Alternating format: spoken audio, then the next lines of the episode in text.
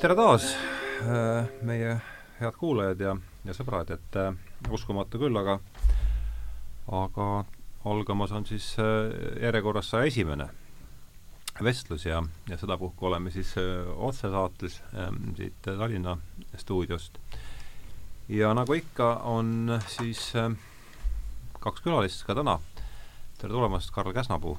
tere! esimest korda saates. esimest korda saates. Ja tere tulemast, Kristjan Port! samuti esimest korda jah, tere, aitäh! et äh, panin tänase saate töö pealkirjaks äh, surma kemiseerimine ja mehhaniseerimine, et see tõenäoliselt äh, võib pärast seda lõplik pealkiri muutub, aga mu enda Exceli jaoks on niisugune teema, et niisugune allusioon on siis äh, sotsialistlikule põllumajandusele, millega tehti omal ajal samasuguseid äh, vägitegusid. et äh, ma mõtlen, kus see saade või kust see saate iva tuli või idee tuli, millal sa mäletad, sa mäletad, Kristjan, millal sa pidasid, juunis oli järsku sul see üle juures see kuskil suvel jah, tegelikult ja. peaks ju täpselt teadma, see on ajalooline hetk oli siis, oli meie õigusloome tähtpäev. just, just, just, just, jah, jah, oli küll. ma arvan, et see oli, ma arvan, et see oli tegelikult enne jaanipäeva või seal jaanipäeva ümbruses kuskil mul on justkui niimoodi igal juhul pärast seda, kui Covidi suurlaine järgi, suur järgi andis. suurlaine oli möödas jah, et sai äh, sai ta niimoodi, nii, ja siis ähm, sa pidasid, millest see ettega-, mis oli see ettekande pea, ega surmast ja noh, ettekande suurem nagu teemaplokk puudutas vananemist ja surma tõesti, et ta käsitleb äh, kerget hirmu selle surma ja. suhtes või seda soovi hoiduda ja tegelikult enne seda peaks vaatama siis, et mida me teeme, sest tegelikult me vananeme mm. -hmm, ja et, et, et kuidas neid kahte asja suhestada, aga just tehnoloogilises kontekstis mm, -hmm. et, et mhm. me püüame siis äh, inimesena jagu saada sellest vananemisest äh,, märkamata, et selleks eesmärgiks ongi surematuse saavutamine mm. -hmm jah, ja seal, no see tervikuna huvitav ettekanne, aga üks koht mul eriti seal hakkas kõrva, et, et äh, ja ma nüüd vaatasin kiiruga need slaidi üle, ma, ma ei ole kindel, kas ma sama koha üles leidsin, aga asja iva oli see, et ja, ja palun täpsusta meid kohe siin, et kusagil oli see kuuekümnendatel tehti mingi keegi tegi mingi otsuse, mille tulemusena surm, see on see, kuidas ma endale selle meelde jätsin, kohe saame sinu käest detaili juurde, et kusagil kuuekümnendatel aastatel tehti USA-s otsus, mille tulemusena see oli see, et vananemine ei olnud enam surma põhjus.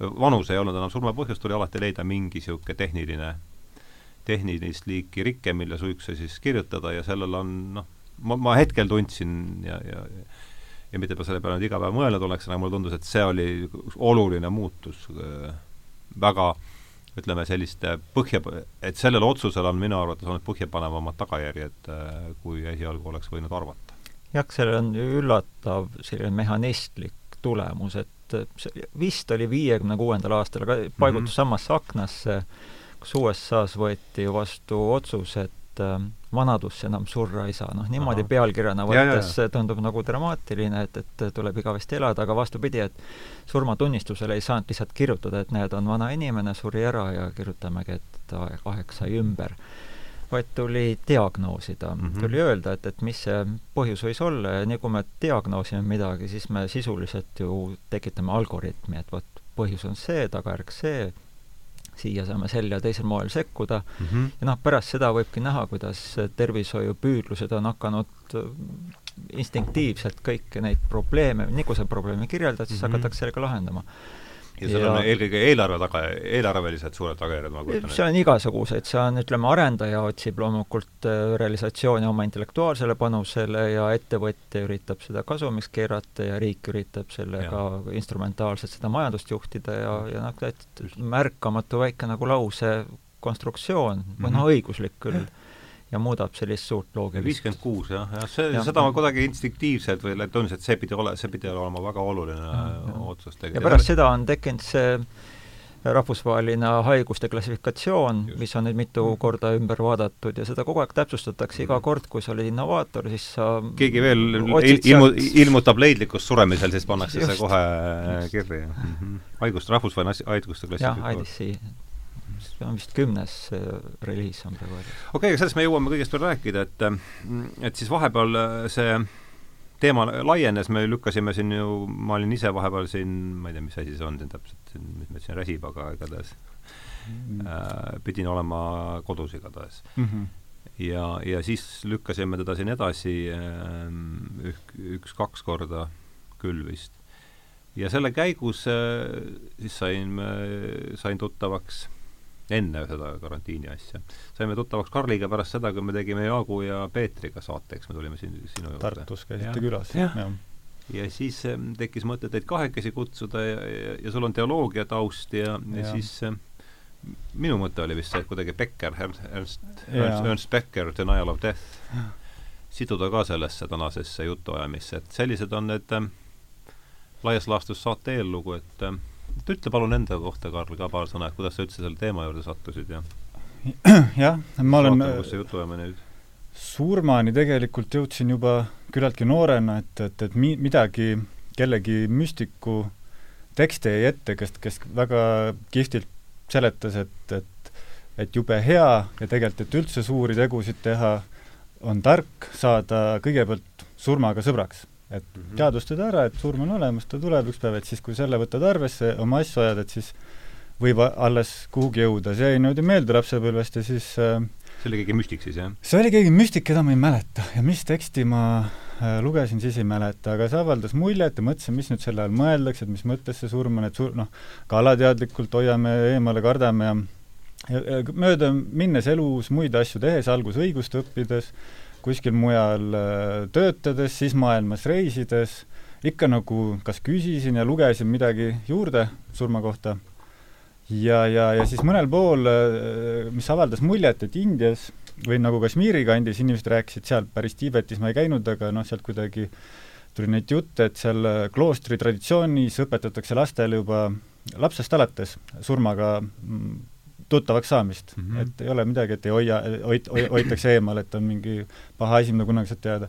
ja teine koht, kus natu-, ise suuri asju veel läbi elatud, vahepeal võib-olla kogu niisugune teadvus ja mälu kaotatud, et endale mõned sündmused osaks saanuna, oli Mehhikos, üks aasta Lõuna-Mehhikos ja seal on see meil Dia de Muertes või surnute päev, mis meil hingede päeva ajal on, ma olin just seal Lõuna-Mehhikos, kus Maia indiaanlaste kandis, kust ta originaalselt umbes pärit on ta on hiljem jõudnud Mexico City'sse, ta on saanud tänapäeval populaarseks, me toome seda juba suurtesse pealinnades pidutsema, aga aga seal nad siis, need on omamoodi niisugused väiksed need altarid, need luukere kujutised, La Catarina, tantsitakse nendega ja ma siis seal mhm. olen sellel ajal seal just, jään sinna elama täitsa nagu ise müstilises olukorras ja ja seal väga suure niisuguse kultuuriseltskonna keskel, jube kihvt, ja siis hakkan küsima, et aga miks teil, mis siin on, et mis see toimub sellega, ja, ja seal üks ema ka siis rääkis, et, et tegelikult äh, see on jube kihvt, et meie lapsed saavad kohe surmaga sõbraks, et nad ei äh, Nad teavad eluaeg, et surm on olemas, et kui meil kellelgi seal surigi koer samal ajal ära ja lapsed ei hakanud nutma, vaid võt-, võtsid seda kuidagi kihvtide silmadega vastu, et nüüd on see koer surnud, me teame surma. surm ongi see, mis tuleb kõigile, nüüd on meie koer läinud. et siis tundus ka, et kuidagi päris kasulik on olla selles alas, kus sa tead, mis see, või noh, oled surmaga sõber ja hiljem tulin Tartusse, Tartu Ülikooli usuteaduskonda teoloogiat õppima, kusjuures seal kuidagi huvitaval kombel arenes hästi kähku, ma sain islamiga, õppisin araabia keelt, tegelesin islamiga väga, hakkas edasi arenema hästi. Ja siis ühel aastal, kui läks väga raskeks, siis ma mõtlesin, et pagan küll, et mu suurim huviala on surm, ma olen siin teoloogia keskel, et miks ma nüüd peaksin tegelema millegi muuga ja ainult huvi pärast oma nagu lemmikasja lugema, et siis ühel aastal jätsin järgi islamiga tegelemise, siis tolle, nendel aastatel sain naljaga inimestele öelda, et et ma põgenesin islami eest surma poole ja siis hakkasin võtma erinevaid niisuguseid äh, surmaga seonduvaid küsimusi vaatluse alla.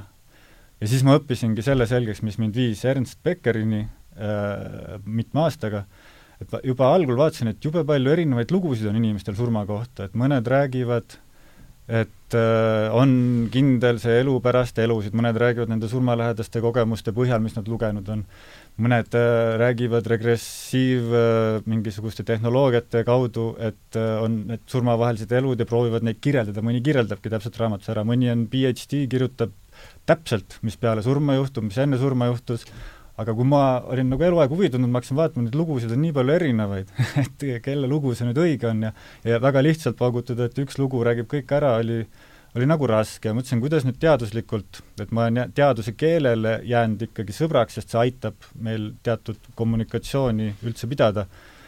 ja mõtlesin, mis mõõdupuud, kuidas, kust ma uurin, mida, mida vaadelda, neid lugusid on liiga palju, seda kõike ei saa hallata.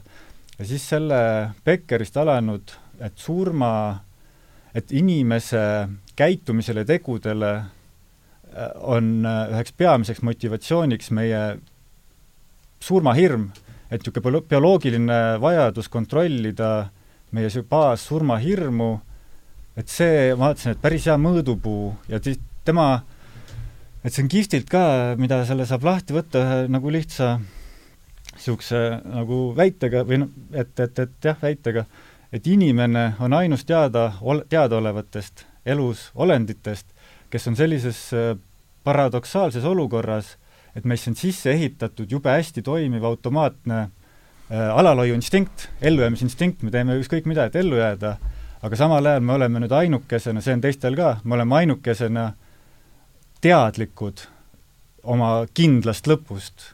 ja siis selle, psühholoogiliselt on see niisugune noh, piltlikult naljaga öeldes jabur olukord. me oleme kindlad, et me sureme, aga me, iga meie rakk võitleb selle vastu, et surra et minu arust need küsimused isegi viivad sinna, mida ka Kristjan Vort siin just, kuhu poole viidata, et see, kuidas, kuidas me sellega siin tegeleme inimestena ja kuidas me sellega tegeleme, mida me arvame surmast, mis see toob meile äh,, see mõjutab jube palju seda, kuidas me elame, millest elu mm. ja kultuur koosneb. jah. Jaa, aga hästi, algus on siis tehtud, et nüüd võib nüüd edasi liikuda ühte koma teist, aga kuidas äh, siis tänapäeva meditsiinis kuidas on õige defineerida surma? ei olegi väga hästi defineeritud, me peaksime vaatama kahte erinevat äh, lähenemisnurka, üks on definitsioon ja teine on kriteeriumid. Et me saame kriteeriumites kokku leppida, et, et kui mm -hmm. aju ei tööta, ajutüvi ei tööta, süda ja hingamine on seiskunud, et siis me kuulutame surnuks samas võime võtta näiteks, kui laev on uppunud, siis me arvame, et inimesed elavad seal ja me, meid ennast puudutab see traagika ju otseselt Estonia kaudu, aga ühel hetkel me kuulutame nad surnuks, noh, see on nagu teistmoodi mm -hmm. määratlus. Aga see on põhimõtteliselt siis kriteeriumipõhine.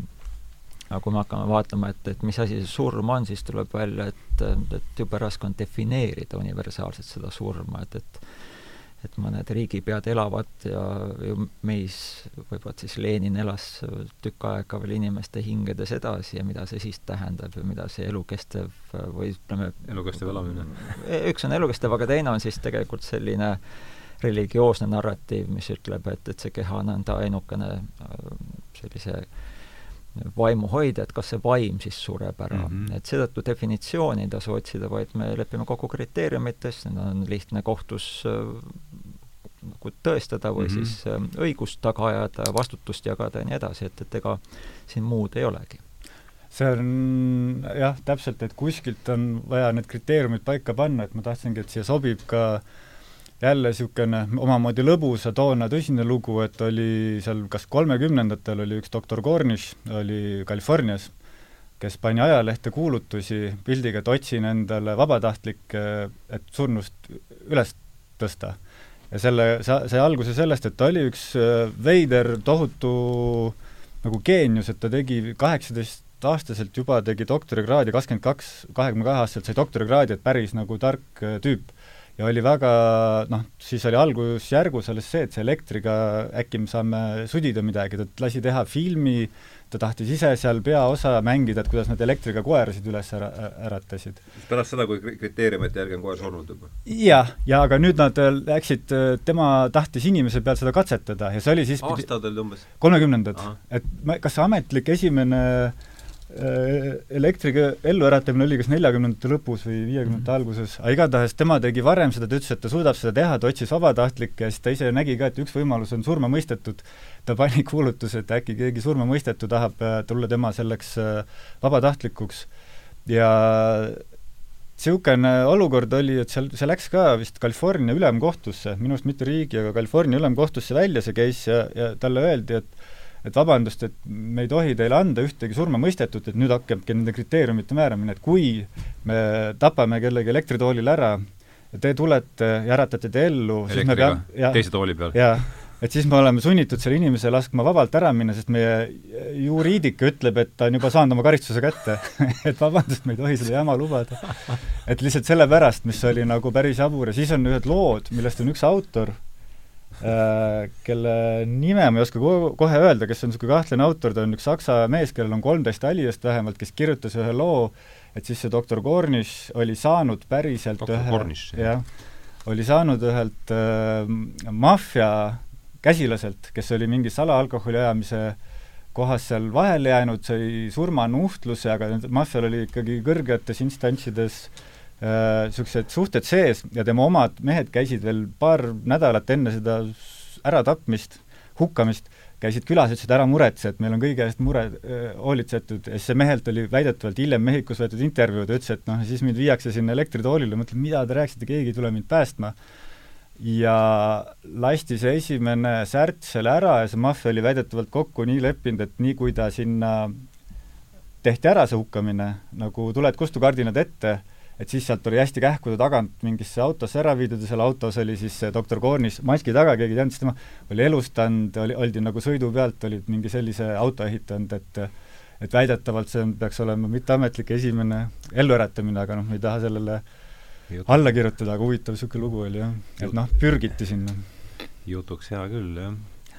aga, aga just kriteeriumid, et nüüd tegelikult, et kuidas, keda võib, eks ju, mis, mis tähendab surnu, mis tähendab elus inimene, millal seda võib öelda, millal mitte ja noh, meditsiinis on see nüüd siis väga peeneks läinud tänapäeval, kuhu me üks on meditsiin, aga teine on juriidika. tõesti nagu, mitte ainult juriidika, aga et, et, et kuidas me seda elu käsitleme, et, et et see animalism, et see, et kehas on, süda tuksub ja, ja ütleme, bioloogilised funktsioonid töötavad, et, et tõesti elektriga me võime ju jätta sellise mulje, et, et need protsessid Midagi taastuvad, jah mm. -hmm. Aga näiteks, kui seda kognitiivset protsessi ei ole, meil on vegetatiivses seisundis terve hulk inimesi, ja, ja küsimus on ainult selles, et kas keegi komistab juhtme otsa, et, et tegelikult nagu elu kaob ära pelgalt selle tõttu, et need funktsioonid lakkavad, mis siis, et osa funktsioone on masinlikult toetatud. aga seda inimest ennast ei ole, paljud ütlevad, et, et ta on meie jaoks surnud. et, et, et puudub kognitiivne kontakt ülejäänud maailmaga ja kolmas on, on siis niisugune personalism või niisugune äh, isiku olemus et kõik keha võib olemas olla, tajub ka, aga ta on täitsa teine inimene. noh, paljud abielud lähevad lõhki, et täitsa teine inimene, et, et minu jaoks on ta surnud, et et mida see siis tähendab, see elus olemine, mida see isik tähendab ja mida me tegelikult taastamas oleme, et sest see oli ka minu selle loengu mm -hmm. üks teema, et et, et kui me ei ole seda määratlenud ja, ja, ja surgime seal keha kallal, et kas me tegeleme selle surnud keha maailmaga või, või oleme, paigutame parajasti oma tegevuse elus maailma. et kuhugile tuleb see joon tõmmata ja tuleb välja, et näed, see joon ei ole üldse sirgjoon ega ka kontrastne mm. -hmm. No, et see teeb, tuletab mulle alati meelde, et ma tegin paar aastat koostööd arstidega, kellel oli siis see mure, et Eestis võiks olla juriidiliselt natuke parem võimalus äh, ravitahte mm -hmm. kirjutamiseks, et kui ma jään vegetatiivse seisundisse, et mind ei pea elus hoidma või mind ei pea ka elustama teatud juhtudel, kus enam tagasi ei tule kedagi.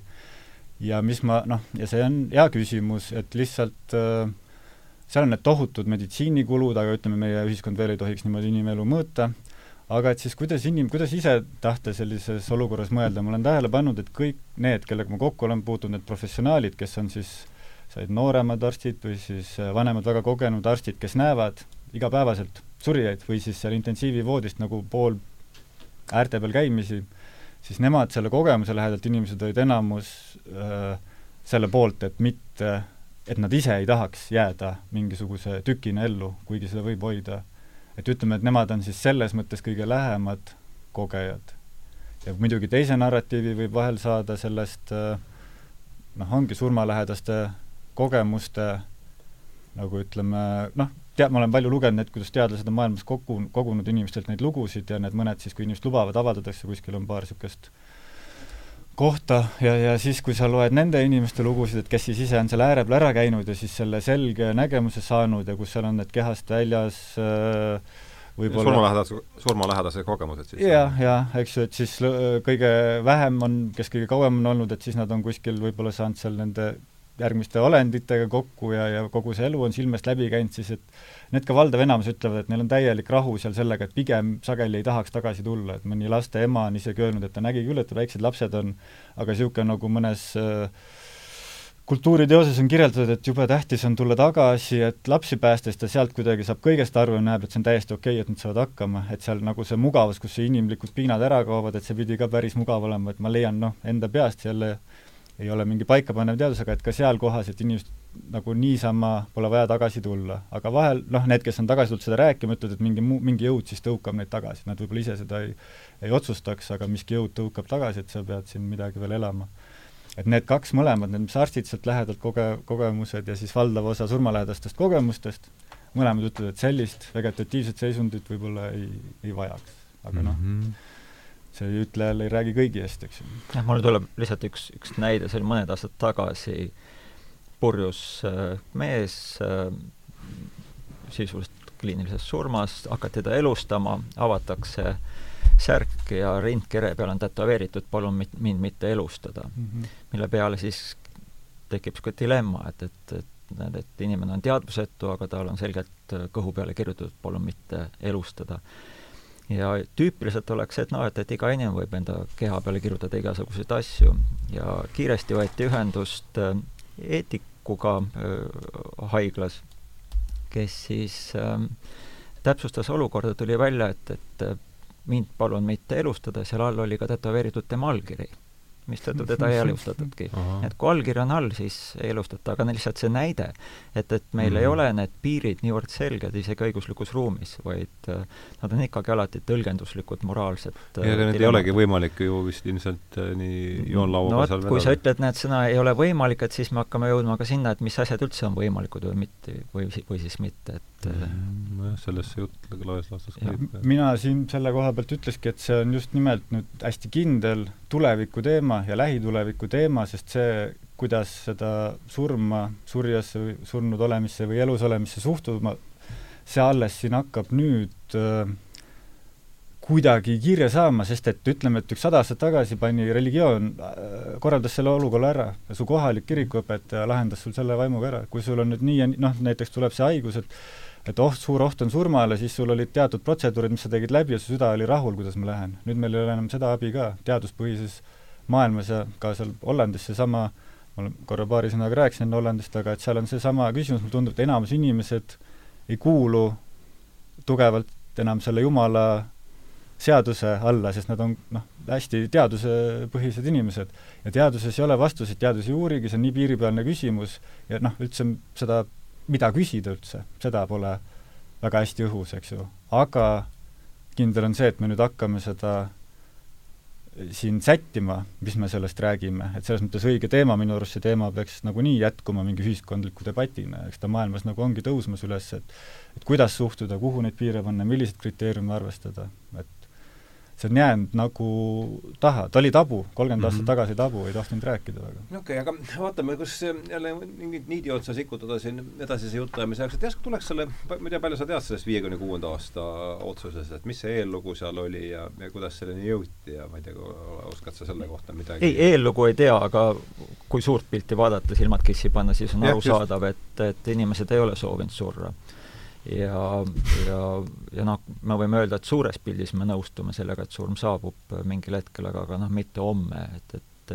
sinu mm -hmm. magistritöö käsitleb seda, seda sügavamalt ja detailsemalt, aga, aga need on lihtsalt need äh, motivaatorid, mistõttu me otsime neid lahendusi ja ja tervishoid on ju olnud selline ja vot see on nüüd huvitav üleminekukoht, kus on seni religioosne narratiiv juhtinud seda, mis Just. on moraalselt õige, mis on vale, ja siis ühel hetkel hakkab tekkima selline teaduslik narratiiv ja teadusest on saanud siis lunastaja, et, et, et on, kui sa eriti tervishoid on seal tervishoid on nagu klassikaline näide, aga et igasugune teadus, et, et kui sa ei ole teaduslik, et siis sa oled natuke nagu ähm, vale, valesti saad mhm. maailmast aru ja võib-olla üleüldse sul ei ole kõiki õiguseid, kuna sa ei ole piisavalt teaduslik, see on see John, John Gray mm -hmm. käsitlus ka suuresti osutab sellele, et ja et, et niisugune huma-, humanismi käsitlus, et, et äh, inimene on siis ainukene loom, kellel on, on, on siis äh, võimalus olla erandlik kõikidest teistest loomadest ja pelgalt seetõttu, et ta kogub rohkem teadmisi. ja vot see on see koht, kus siis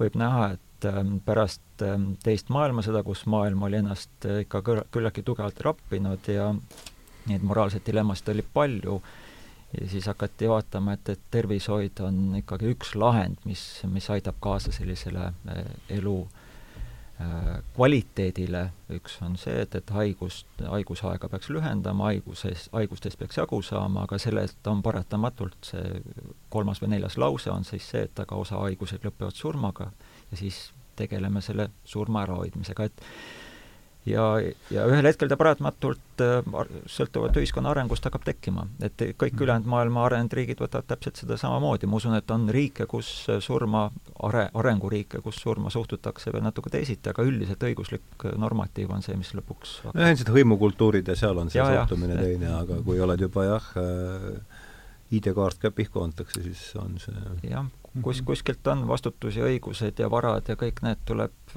jutti saada. ja siis mm -hmm. see, see selgus, see algoritmiline maailm ja see, see toob just selle tehnoloogia ja ja et, et tehnoloogia on suuresti rajaneb algoritmidele, et meil on asjad, on seletatavad, märkamata seda, et, et kõik ei ole seletatav, aga see on siis see meie illusioon, kognitiivne dissonants, mida siin seesama Beckeri raamatki kirjeldab, et me, meil on vaja luua illusioon selleks, et elu oleks talutav ja noh, teadus on praegu illusioon, tükk aega on olnud religioosne, religioosne narratiiv selleks maailma seletavaks ja ja noh, võib, võib ju öelda, et ähm, alates ok-, okkamist, William Okkamist, et, et hakkas üha rohkem Jumalat äh, teatud vastutusest vabastama, nüüd on siis tekkinud vastutus inimesele, et äh, sinust sõltub ja sinu puhul sõltub see sellest, mida sa tead.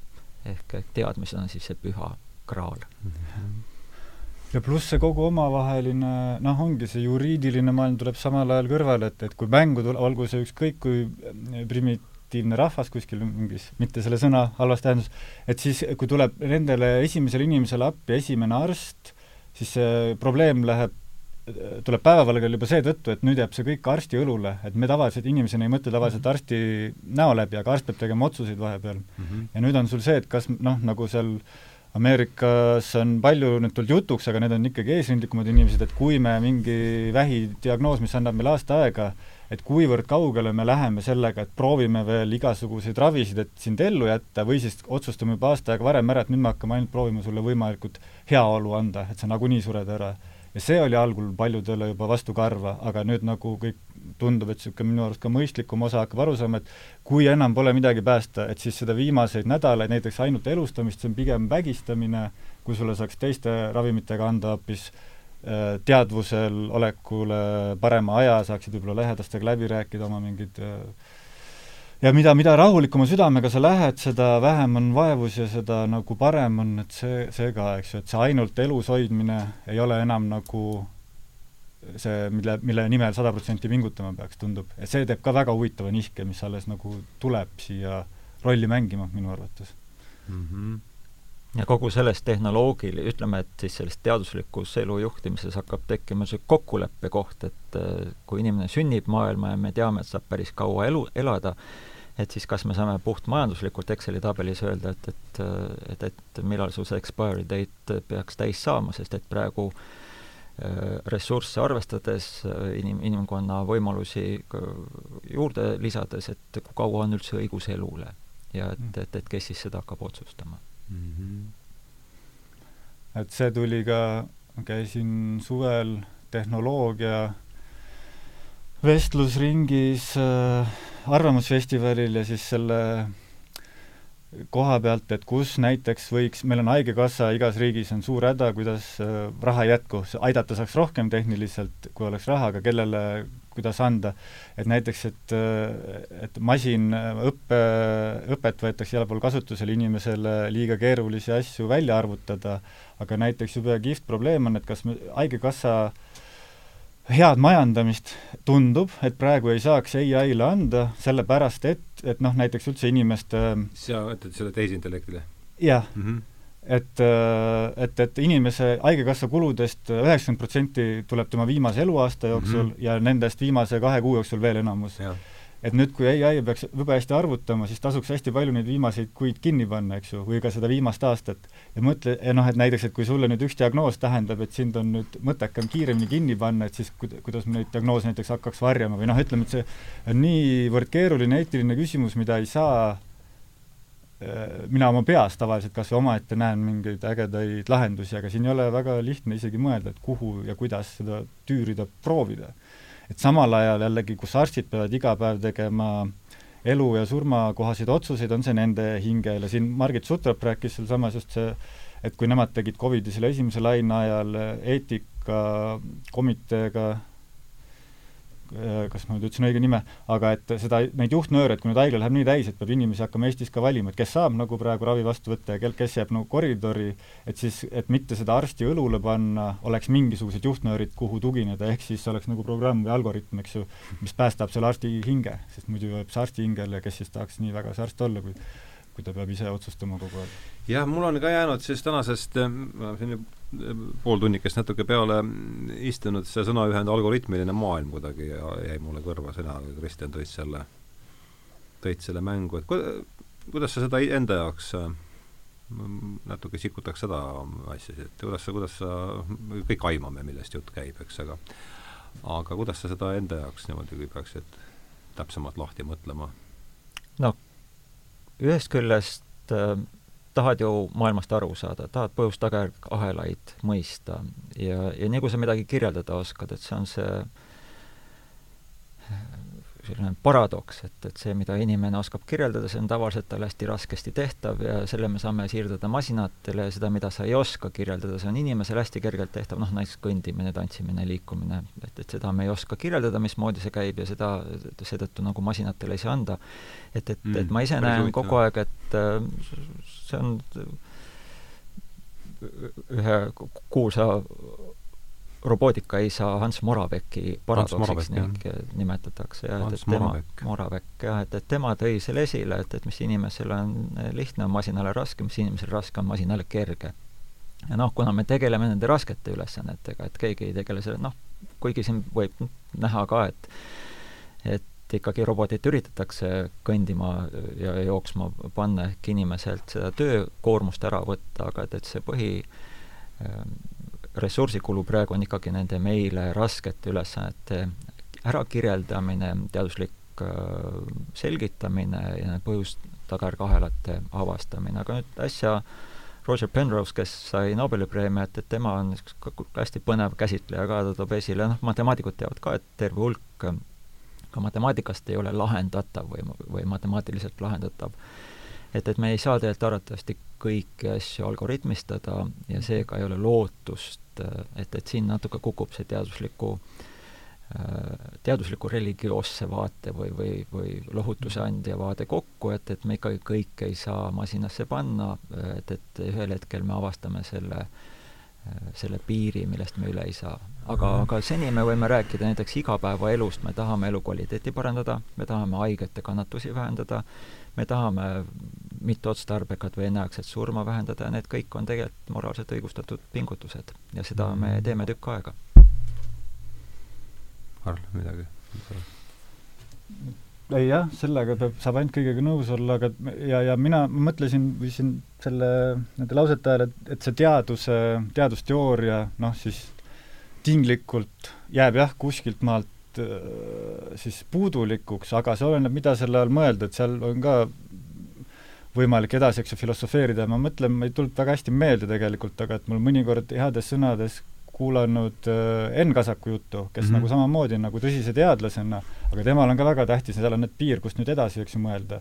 ja ta, sellepärast talle, ma saan aru, meeldibki tulla käia teoloogide juures rääkimas ka, sest need küsimused, et võib-olla seal nüüd saab mingit sünteesi äh, vaadelda, et on ikkagi see teaduse keelele äh, kui niisugusele kommunikatsioonivahendile näiteks kindlaks jäädes minna äh, piiridest edasi vaatlema, ma arvan, et noh, isikliku mingi motivatsioonina saab see olla olemas äh, mitmetel inimestel, aga et kuidas see maailm, maailm praegu ei tule ei rahadega ega muud moodi appi ega vastu, eks ju. aga et pigem selles ähm, teaduse keele kaudu minna neid äh, nähtamatuse piire äh, küsima, kui siis näiteks ainult religioosses keeles, kus on noh, natuke veel raskem nagu täpselt niisugust arusaama saavutada, kuigi kogemuslikkuse võib, koge-, isikliku kogemuse võib saada, eks. Ma otsisin siin vahepeal, kas selline autor, me oleme tast siin varem rääkinud, minu meelest isegi ühes esimestest saadetes, võib-olla teis-, ma ei mäleta täpselt, võib-olla kolmandas saates, kas Ivan Illitši nimi ütleb teile? Tolstoi Ivan Illitši ei, Ivan, Ivan Illitš on tuhat üheksasada kakskümmend kuus kuni kaks tuhat kaks üks, äh, ta oli Austria katoliku, katoliku taustaga niisugune meditsiinikriitik, et temalt no, tuli meil seda juttu kuulates tuli tsitaat, et meditsiinipiirid tuhat üheksasada seitsekümmend viis on raamat, et ühiskond soostub meie surmaga siis, kui me oleme muutunud kasutud, kasutuks mitte üksnes tootja, vaid ka tarbijana. Surm on punkt, kus määratute kulutuste hinnaga koolitatud tarbija tuleb lõpuks kahjumiga maha kanda. mis aastal? seitsekümmend viis aga sellesse aega, isegi varasemasse aega paigutavad näiteks, autori nimi praegu on keelel, aga ei hakka selles, seda pausi tekitama, kirjeldab sellest sotsiaalsest surmast, et ta pani tähele, kuidas haiglas osa inimesi on juba ammu surnud, nad on bioloogiliselt elus, aga nendele ei pöörata tähelepanu, nad ei ole keegi, nad on täiesti üksi, neid lihtsalt puht rutiinina hoitakse alles, aga samas, kui haiglas on keegi natukene tuntum inimene, siis temaga tegeletakse, et, et tegelikult ongi see inimene juba varasemalt maha kantud, teda ei ole kellegi jaoks olemas, ta on ise nii raskes seisundis, et ega teda tema enda jaoks ka ei ole olemas. ja noh, nüüd kui sa viitad selle Ilitšile, et siis et arvatavasti seesama konstruktsioon töötab ka siin, et, et kui inimest ei ole teistel olemas, me oleme suuresti ju läbi teiste inimeste, et, et kui me täiesti üksi oleme, siis me arvatavasti otsiksime seda kohta, kust elu ära lõpetada. vaid me mhm. peegeldame ennast ikkagi läbi teiste ja meil on olemas see mingi selline autobiograafiline mälu, et, et, et, et kes me siis oleme seda saame ka teiste kaudu teada. nüüd, kui see refer-, referentsruum ära kaob, Äh, ja referentsruumi jaoks kaob, kaob ka see indiviid ära, siis noh, kas me peame hoolima sellest, et, et ta kulutab energiat ja on materiaalselt olemas? võime öelda, et ei ole. See ja minul isiklik kogemus niisugusest äh, kultuurist, mis meie, või selles mõttes on minu arust natukene kaugemal midagi seal maal ja see on äh, see Hollandis, olin ühe aasta seal ühe niisuguse teadusülikooli juures, kus on päris tehniline sot-, sotsiaalteaduste juures seal olin ja siis mul oli ka palju mudeldamist ja ja seal oli meditsiinieetika aine ka, kus oli väga kihvt õppejõud, üks naisterahvas, kes oli oma, täitsa alguses oli olnud ka teoloogia, teoloogia peal bakalaureuse ja nüüd oli meditsiinieetika ja nende nagu väga kõva majandusega väga arvutavas riigis ja samal ajal äh, väga nagu eetikavalemeid taga ajavas riigis. ja seal noh, ütleme eutanaasia kakskümmend aastat peaaegu lubatud, iga aasta ta nüüd üks kümme protsenti tõuseb. tõsi ka, jah? jah, et kas on nüüd kuus-seitse tuhat juhtumit aastas, eks ju, noh, seitse tuhat vist juba täis nüüd. ja siis äh, ütleme niimoodi, et sotsiaalselt arenenud riik, mida minul vanasti räägiti Taani kohta, võis ka olla Hollandis, et seal selles Utrechtis ka suht jõukas linnaosas elasin, et seal on ka seda fenomeni, et inimesed, kes on väga jõukad, neil on väga suured majad, nad äh, sõidavad äh, keskmisest tagasihoidlikuma autoga või noh, ikkagi head, ühesõnaga nad proovivad oma naabrist äh, nõrgema autoga sõita, et mitte uhk-, uhk-, uhkeldav näha, nad on nagu ühiskonna poolt, et ühiskond oleks viisakas, et ühiskond oleks äh, toimiv ja, ja et nad ei oleks kuidagi, ei segaks seda ühiskonna vaimu. ja samamoodi selle surmaga ja eutanaasiaga, ütleme, et seal on nüüd mingi kolm niisugust diagnoosi, mille puhul on suht kindel, et inimene valib eutanaasia, sellepärast et ta ei taha jääda koormaks ühiskonnale, väga täpselt seesama, et kõige suuremad Haigekassa kulud, ta teab seda, Hollandis veel suuremad kui meil, see on juba hea nagu see teenindus, ja siis on, äh, ta ei taha jääda koormaks oma lähedastele, see on jõudnud nende mõttemalli nii sisse, et tavaliselt sellest rääkides on see neil nagu äh, vastuvõetav ja nüüd selle vene nimega autori lause räägib täpselt sellest, eks ju. et sul, et kui nüüd inimene siis lõpetab ära, üks asi on, see ei ole ainult, et sa oled töötaja, aga üldse ühiskonnaliige, et sa võid olla ka ju tore vanaema või noh, hea suhtleja või mingi, et, et kui see kõik sul ära kaob, et sa jääd ainult äh, voodisse, sa saad nagu superhoolduse, sest nende see meditsiinitase on päris heal tasemel, aga sust ei ole mitte midagi enam, et sa ei taha jääda selleks koormaks, eks ju, et see pidi päris tavaline olema ja nüüd vastuargument üks, mida on seal küll kindlasti veel alles, aga mida on vähem, on, et nende eutanaasia peamine vastuargument ongi, et kas tänapäeva ühiskonna liige siis ei tunne mitte sellist äh, äh, nagu sotsiaalset survet, et vaata, et kui mina saan ka selle diagnoosi, äkki ma ei taha ennast kinni panna.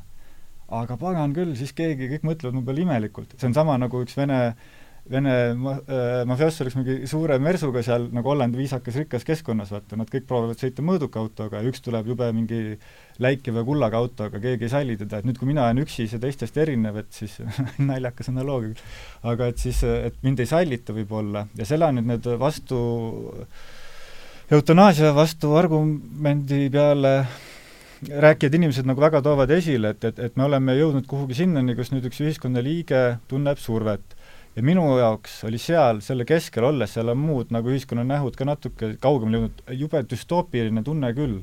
et mulle tundub see mõistusega igati asjalik, et mulle tunduks, et ma ise tahaks ka ennast siis kinni panna, ma ei tahaks jääda selleks äh, vegetabliks. aga, aga samal ajal see tundub jube düstoopiline, et kas me ei to-, noh, me oleme nii kaua ühiskonnas, kui me oleme keegi ja suudame siin toimida, meist on mingi kasu ja kui meid ei ole, et siis ennast kinni panna.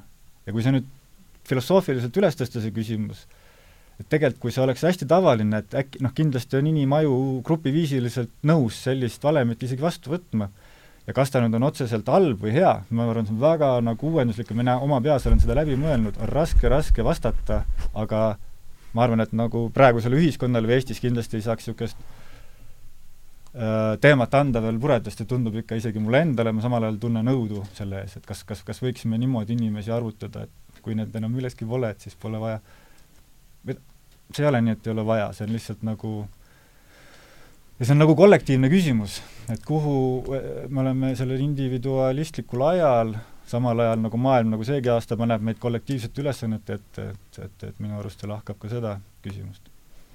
Et tuleviku küsimused, tahaks mina öelda. No ma otsisin Illitsilt tegelikult teist tsitaati, kus ta, noh, mõte on umbes selline, et ta ütleb, et, et me ei suuda mõista oma ühiskonna kõige siirde või tähendab, me ei suuda mõista oma ühiskonna kõige si-, sisse juurdunumaid institutsioone, kui me ei pea neid äh, osaks selleks heroilisest võitlusest, mida me peame surma ärakaotamise vastu. Mm. -hmm et noh, see on natuke haakub sellega, mida me siin enne saadet, põhi, ma arvan, see on enam-vähem mõtte ma andsin küllaltki täpselt edasi no, sõna. Becker rajab ju suuresti heroismile oma, oma selle konstruktsiooni, et, et ja ta toob seal ka esile sellise skisofreenia, et, et, et me näeme tegelikkust, aga tahame olla teistmoodi ja et et, et me üritame ja noh, tõesti, et need kui me toome teised loomad ja mulle see John Gray argumentatsioon meeldib just seetõttu, et ta ütleb, et ärge unustage, et inimene on kõigest loom, et ta ei ole erand, et, et ta võib iseennast erandiks pidada, aga ühtegi tõendit selle kohta ei ole, et tal on õigus olla erand, aga et, et kui me nüüd toome siia pilti teised loomad, siis ülejäänud looduses ei moraalitseta selle surma üle niivõrd palju ega ei moraalitseta ka selle enneaegse surma üle, et, et, et ka lõvi äh, lõviperedes äh, värske isa tapab ära vastsündinud äh, pojad, kuna siis, siis see pereema on uuesti teine ja võib, võimeline tema lapsi kandma, et, et seal ei moraalitseta selle üle, et aga meie ometi moraalitseme kui ma selle näite toon, siis ka, ka mul on ebamugav tunne, kuna ma tean, kuivõrd, kuivõrd valus on, on lapse kaotus. aga, aga näed, et meil endal on tekkinud selline ja jällegi ma Beckerile viitan ja siis äh, Fastingerile, Leon Fastingerile, kes on siis kognitiivse, kognitiivse dissonantsi suur isa, et me ei talu kognitiivset dissonantsi, me ei talu seda vastuolu oma tegeliku mm -hmm. maailma ja, ja, ja looduste vahel ja me valetame, luiskame, ilustame selle vahe täis.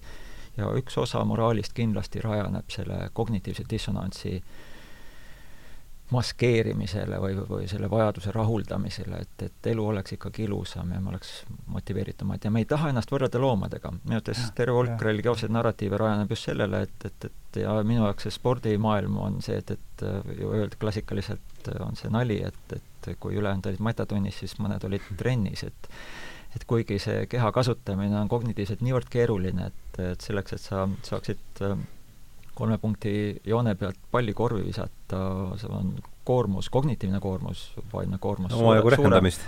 absoluutselt, kusjuures sa ei rehkenda, vaid see kõik käib super osavalt. kus ja jooksu pealt ja vastastide vastu tegu, tegutsemise kontekstis. aga, aga just see, et aga meie mõistus, aga meie tsivilisatsioon tähendab istumist ja mõtlemist mm -hmm. ja, mhm. ja lahenduste otsimist, mitte tegutsemist nagu loom mm. -hmm. vot see on see, kus me arvatavasti see on see, kus asi on läinud ikka läheb, kõvasti läheb, kreeni. jah, ja siis me aeg-ajalt avastame neid algrahvaid, kes ikkagi peavad seda loomapühaks ja ja mhm. loomalikku olemist ja taassündi läbi loomade ja nii edasi. et vot need on need äh, näited, kus me ja nende suhtumine surma on meie omast vabam äh, ja palju erinev. jah, oma traagika on kõikides kaotustes.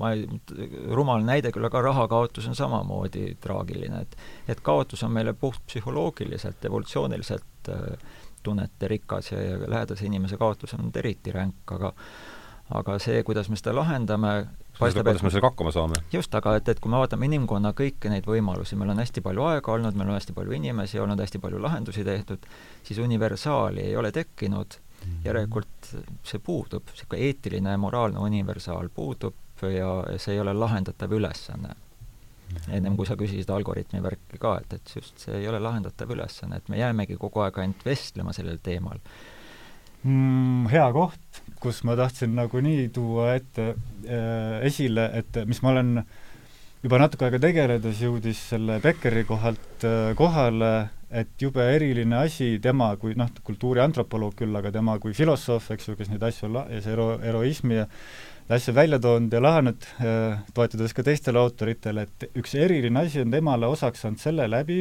et tekkisid need ähm, Solomon Greenberg ja mingi Brzezinski, ma ei oska seda nime hästi hääldada, kes olid siis seal kaheksakümnendatel oli, alguses olid, tulid just äh, sellest äh, ülikoolis seal lõpetasid ja olid äh, head hakkajad teadused, kolm sõpra ja läksid, neil läks väga see Beckeri jutt korda, kirjutasid oma teadusartikli ja psühholoogia tudengitena ja olid, et nüüd me oleme jube palju öelnud ja teeme konverentsil kohe ettekande ja neil mitte ükski see teadusajakiri ei võtnud nende seda äh, asja luge-, äh, lu-, noh, lugeda võeti, aga anti üherealisi vastuseid, et me seda ei avalda ja siis nad tegid konverentsil ettekande, võeti esinema, aga siis päris nagu psühholoogia inimesed läksid kõik saalist välja, nimelt nad tahtsid öelda, et see Beckeri jutt on õige, nad tõid seal näiteid, tegid nagu teadusartikli. Ja aasta aega olid proovinud seda igal pool nagu esile tuua ja siis ei, ei saanud. Ja siis selle peamise psühholoogia mm, teadusajakirja peatoimetaja ühes kohas ütles neile, et, et poisid, et ei saa niimoodi tulla ütlema lihtsalt, et tõestage, mis te räägite, ja nüüd leidiski aset huvitav asi, et sellest jutust ja filosofeerimisest, filosoofile sai osaks see, et need mehed on praegu kolmkümmend aastat äh, sadades või tuhandetes erinevates katsetustes paljude puntidega maailmas koos proovinud leida tõestust nendele Beckeri pointidele ja on palju leitud ja neid on äh, tuhandetes ja tuhandetes tsiteeritud, et ma tooks esimesena, jääb parimini meelde see nimi Solomon. ja nemad äh, siis äh, noh, sama asi, et see, et see ah, nemad lõid ühesõnaga terror management teooria, nagu hirmu valitsemise teooria täpselt selle Beckeri idee peale, et me tahame pääseda surmahirmust, me valitseme seda kuidagi, muutub meile vajalikuks, et me kujutame ette, kas see surmahirm on meil alateadlik, aga me tahame ette kujutada, et me oleme oluline tegija tähendust omavas universumis. et muidu me, see on inimese üks äh, mot-, alusmotiive, mis üldse paneb meid tegutsema, kui me hommikul ärkaksime, meil ei ole seda tunnet, me, me, miks me üldse midagi teeme. ja nüüd nad hakkasid sellele siis tõestusi otsima ja see on nende see kaks tuhat viisteist välja antud niisugune raamat, mis on siis nende ka juba seal mitmekümne aasta katsete äh, kohta toovad näiteid, see on jube kihvte lugusid, nad uh, USA-s võtsid ka kohtunikega, tegid esimesi niisuguseid suuri uuringuid, mis läbi lõi, et kohtunikud uh, väikeste kuritegude puhul kuskil linnas, et kui prostituute toodi prostitutsioon on keelatud, prostituut toodi kohtusse, siis kohtunikud andsid neile tavaliselt, et noh, muidu võiks jätta, eks ju, kinni USA süsteem, et saab peili maksta, kautsjonit, et ta ei pea kohtuistungini kinni istuma, siis nad tavaliselt määrasid prostituudile viiskümmend dollarit selle äh, kautsjoni, aga siis äh, nad äh, võtsid, lõid nagu tingimused ja võtsid äh, pooled kohtunikud siis olukorda, kus andsid selle case'i ette, täpselt sama case'i kõigile pooltele, tuletasid surma enne meelde, nende enda surma mm. -hmm. räägiti surmast, toodi see surm päevavalgele ja surma meelde tuletanud, kohtunikud, kellele surma meelde oli tuletatud, andsid mingi kaheksa kuni kümme korda suurema kautsjoni, hakkasid äh, oma maailma, nemad on õigusemõistjad, teised on õigusrikkujad, hakkasid oma maailmavaadet nagu oma heroismi poole tähtsamaks pidama. ja sellest läks edasi niimoodi, et kõik meil on see oma hero süsteem, keegi me oleme, et mis sealt Beckerist ka tuleb, eks ju, tähtis point võib-olla jäänudki siin ütlemata, et et me oleme, me proovime selle alateadliku surmahirmu vastu, on kaks peamist teed, kuidas me proovime võidelda, üks on nagu otsese surematuse narratiiv, mis aitab meie psühholoogiat, ja teine on kaudse surematuse narratiiv. otsene surematus oleks siis see, et jäämegi peale surma ellu, tuleb uus elu, nagu hinduism, budism teevad, nagu loeme surmalähedasi kogemusi, loeme seda autorit, kes kirjutab, et peale surma on kindel elu. Neid on tegelikult palju erinevaid, aga ühesõnaga midagi otsest, seda pakuvad enamasti religioonid, ka kristlus siis eh, oma, ka erinevatel viisidel aga ühesõnaga, otseselt me tegelikult jääme alles ja kui ma seda usun, minul on see psühholoogiline dissonants lahendatud. ja kaudne sellesama probleemi lahendamine oleks siis mingisugusele enda maailmavaatelisele kultuurilisele asjale kindlaks jäämine. et kui ma võitlen kas sellise poliitpartei eest või sellise õiguse eest või, või, või millegi vastu või poolt, et ma hakkan äh,, minu, minu olemasolu siin maailmas on tähtis, ma olen millegi eest seisnud, et ma küll olen nagu füüsiliselt suren ära äh,, aga ma olen vähemalt midagi teinud, sinna alla läheb ka see, et kas ma saan oma lapsed, kas ma teen palju raha, kas ma saan oma mingid äh, majad, kus on minu nimi peal, noh, midagi jääb minust alles, et ma ühesõnaga võidan sure, surelikkuse ära mingisuguse sümboolse väärtusega. ja nüüd on äh, need Solomon et al., need kambase igast selliseid asju katsetasid, et kuidas inimesed, et kas nad äh, et kas religioossel inimesel siis on väiksem surmahirm, kas kas ühesõnaga, üritasid Beckerit siis, Beckeri väiteid jah, laborites, avalikult igal pool ja kusjuures nad said nagu täieliku terve maakera suuruse laboratoorse tingimuse sel aastal, kui tuli see Covid mm., kogu maailmale tuletati surma meelde mm. -hmm.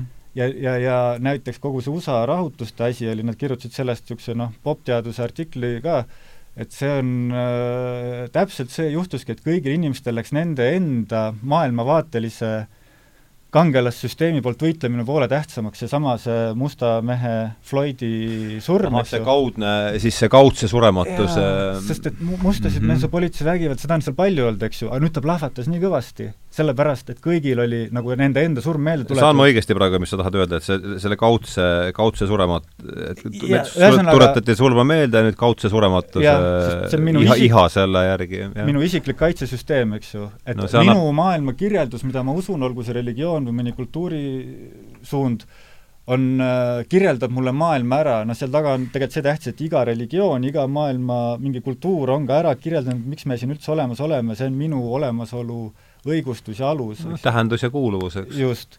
ja nüüd, kui, kui sulle tuletatakse su surma meelde, see muutub sulle palju tähtsamaks, eks ju, ja sa hakkad sellest poole kõvemini võitlema, et vaata, seal paari kuu jooksul USA-s läks täitsa ulmeliseks, küll siis olid, et White Lives Matter, siis kõik elu, noh et need, kes on mm, nagu head kõigi vastu, et nemad muutusid ka veel paremaks kõigi vastu, need, kes on pahased, et see teine rass rikub ära meie elu, siis mm. nemad muutusid pahasemaks, et kõigis asi võimendus ja järsku see oli nagu kollektiivne hullumaja, vaata, tegelikult paistis välja. Kristjan oli käsi püsti. jah, ma lihtsalt tuletame, Beckerile nagu kohe alguses ütleb ära, et see on nartsissism, et, et mina, mina, mina ja mina ja et, et kõik tuleb nagu selle keskselt, et see inimene on eriline ja nüüd inimeste hulgas on kõik veel erilised ja vot see on siis see, see meie enda ego säilitamine, vajadus ja siis hakkavad tekkima loomulikult need kõik filosoofilised arusaamad, et kus see ego tekib, et kas ta asub kehas või tegelikult on niisugune emergent property, et et ta ikkagi tärkab kuskil meie vestluse narratiivis, meie arusaamades jälle suhtluses läbi teiste inimeste, et et vot seda egot tuleb alles hoida, seda egot tuleb säilitada, kaitsta ja ja, ja nüüd ükskõik, kui keha on läinud, siis vot sellest egost jääb midagi alles, järelikult ma olen mm -hmm. surematu, et, et need on jällegi sellised äh, mm, -hmm. mida tehniliselt ei saa lahendada, aga näed, mida inimene millegipärast peab endale väga tähtsaks. jah, noh, mitte minu mõtlemist selle vallas nii palju, kui seda on, et teema ju vähemasti praeguse enesetunde ja, ja ei ole nii, nii aktuaalne, kuigi ta võib seda ju üle muutuda. aga, aga ma kuulasin, alguses, kui ma seda Sheldrake'i hakkasin kuulama hoolega, siis ühe loeng, tal oli tunniajane lõpp, või tähendab, tunniajane, tunniajane loeng, seal rääkis laias laastus siin lääne filosoofia ajaloost ja siis pärast loomulikult on küsimused ja üks proua ütleb, et vabandust, ma nüüd lähen küll täitsa teises suunas, aga et mis te arvate, mis juhtub, kui me sureme mm? -hmm. et noh, sellest ei olnud üldse üldse juttu, see on oluline siin, et nojah, et noh et lektor oli ka nõutu natuke, et aga et hästi, ma ütlen teile, et mis ma siis arvan, et see, ma ei ütle, et see on kindel vastus, aga see vähemasti, mis ma arvan. Ja see vastus pani mind, muutis kuidagi minul palju, et et ma arvan, et me näeme unenägusid edasi, aga me kaotame võime ellu, või tähendab siis üles ärgata, et mis te sellest kuidas, kuidas, mis mõtteid ja assotsiatsioone teis see küsimus ja vastus noh, minu jaoks on see esimene reaktsioon on just see, et me, meil on vaja seda illusiooni. Et ega me seda kontrollida ei saa, et, et, et kõik need elu lõppu ja tagasitulemised, mis Karl näitas ka, et, et noh, kognitiivselt või ütleme, neurofüsioloogiliselt on teada, et, et, et nägemistajus verevarustushäirega sul tekib see tunnel vision ja siis sul tekivad kõik need valgused ja ja kehast irdumise kogemused ka, et, et need, need kõik aitavad kaasa tegelikult äh, õigustamaks, et, äh, et noh, kas me jääme unenägudesse või me jääme, midagi jääb alles, et, et me ei taha sellest loobuda mm, -hmm. aga arvatavasti noh, aga meil ei ole ka teaduslikku tõendit selle kohta, et midagi ei jää alles. Ei, ei, nagu see, aga, aga see on äh, argumentatsioonis niisugune osav musta augu trikk, et, et, et me peame hakkama negatiivset tõestama, et äh, et aga, aga et meil on äh, arvatavasti looduse seisukohast on alles jäetud konserveeritud vajadus kaitsta enesepettust. sest mhm. enesepettus on see, mis motiveerib ja aitab rasketest olukordadest üle saada, et, et kui me kõike teaksime, noh, abielud lähevad lõhki seetõttu, et saad õige pea teada midagi oma kaaslase kohta, et kui sa kõike seda oleksid ette teadnud, siis arvatavasti abielu poleks sõlmitud. Et, et see on niisugune noh, naljaga pooleks, aga, aga et, et me ei taha maailma kohta kõike teada saada ja siis me elamegi hea meelega sellises kerges illusioonis. mina arvan, et mm. selleni võib jõuda noh, targalt või kontempleerides ja see on äh, täpselt tõsine, mina olen ka, et su selle, mis sa, Ardo, küsisid selle lause peale, olen äh, vastanud või mõni inimene isiklikes juttudes ka küsib, et mida sa siis kõige rohkem ise arvad, siis ma olen äh, saavutanud suutlikkuse olla kuskil ambivalentses kohas, ma ei pea ära vastama aga see ei tähenda jah, ei ühte ega teist poolt, täitsa kohe ausalt, olen seal kuskil keskelt. ja peale selle äh, mulle tundub, et see on kuidagi kasulik, sama asi, et alati jääb meie teadmiste äh, horisont kuhugi, kuskil on see loor, kus me edasi ei näe, ükskõik kui palju samme me astume, et sellega sõprust teha, et kuskilt on see teadmatus, on päris äge tunne mm. -hmm. ja siis käia nagu rahulikuma südamega edasi, vaadates asju, et pole vaja tõestada midagi, aga äkki ma oskan hea küsimuse küsida, et saan rohkem teada.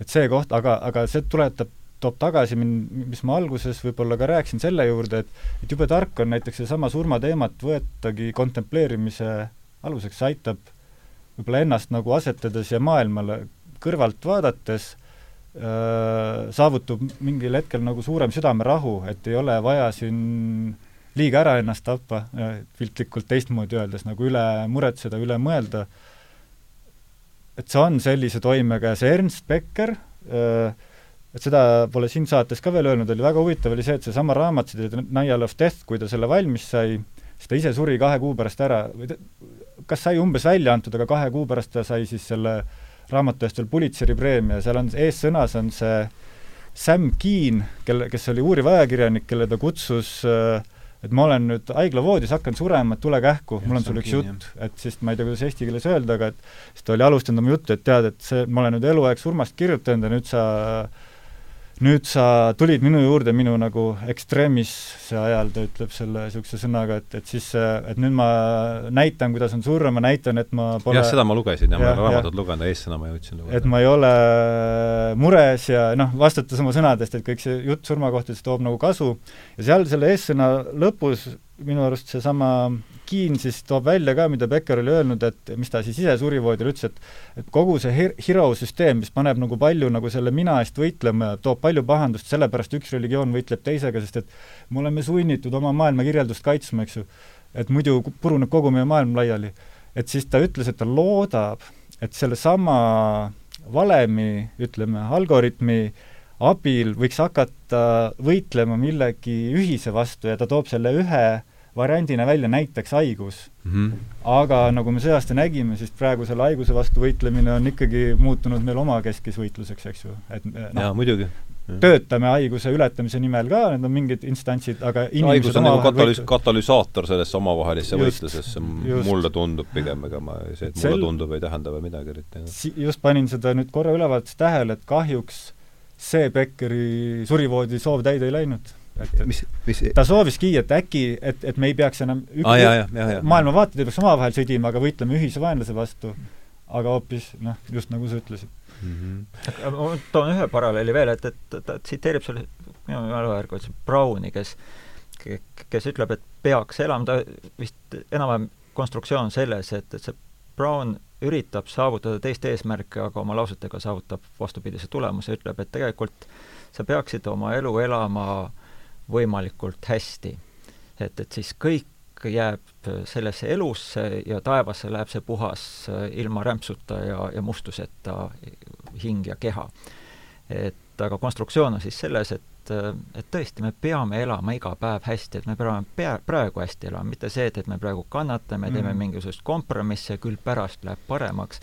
Et, et ma võin lastele öelda, et, et ma ei saa praegu teiega mängida, kuna mul on töö, et teatud asjad on palju tähtsamad. Äh,, ma olen nõus kannatama just selle narratiivi pärast, et aga pärast kunagi läheb paremaks. Ja tema siis ütleb, et aga ela just praegu. ela mm. Seda, see ei ole lausa puhas hedonism, et, et sa saad nagu äh, hoolimatult kõigesse ülejäänutesse suhtuda, vaid sa pead ikkagi koos teiste inimestega elama, aga, aga ja ära lausa naudi seda, aga aga ela Rõõmu. tõsiselt ja et, et ela päriselt praegu mm -hmm. ja et, et ära lükka seda edasi ja ära vali tingimata kannatusi. mulle see meeldib, nii et ma vist vist ei ole lugenud, eks ju, kes teab, kunagi on tulnud võib-olla sisse see, aga et ma ise oma peaga sinnani jõudnud, et ma olen mõelnud seda, et kui, et see mäng, kus sees sa praegu oled, mängi seda mängu hästi või noh, mhm. naudi seda mängu praegu, ära kujuta ette, et vaja on olla kuskil mujal mängus, kui sa oled, et et ja seda üks mingist Aasia müstikust, kas budistlikust, hinduistlikust sealt kandist müstiku lausetest jäi ka kunagi mulle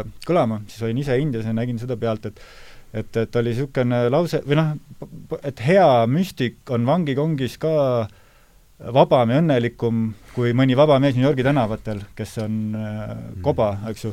ja siis ma seal kuskil Indias sattusin niisuguse jube lõgiseva ja katkise bussi peale, mis sõitis mägesid, keegi ei öelnud seda bussi aegagi, et kas ta sõidab kuusteist kuni kakskümmend kuus tundi ja kus sa saad WC-s käia, mingi selgelõige, ja kus see koht saada, kõik inimesi trügib see buss nii ääreni täis, kui saada, niisugune vaeste inimeste buss ja siis ja siis oli neid, noh, ma saan ikka hakkama ka rännanud, aga, aga ikka neid muresid ja siis tuleb sinna ka üks see mungarüüs, püstib munk ja ta istub, enam ei ole kohti, kõik naised, mehed, kõik on kohad ära rabanud, ja ta istub sinna vahekäiku ja ilma seljatoeta ja ma mõtlesin, tema teab ka, et ta sõidab nüüd kuusteist kuni kakskümmend kuus tundi, vaata, aga millise nagu selle rahuliku näoga tegi seda ja siis mõtlesin, et noh, et tal ei ole nagu seda päris asja vaja, seda mugavat tooli, aga tema suhtumine sellesse, et mis sul parajasti ümber on, sa võid oma suhtumist alati muuta, ta, ta oli nagu rahulikum mugavam sellel reisil kui paljud inimesed, kes endale parimaid istmeid äh, raba, rabasid okay,. sellest Iire orust paistab tegelikult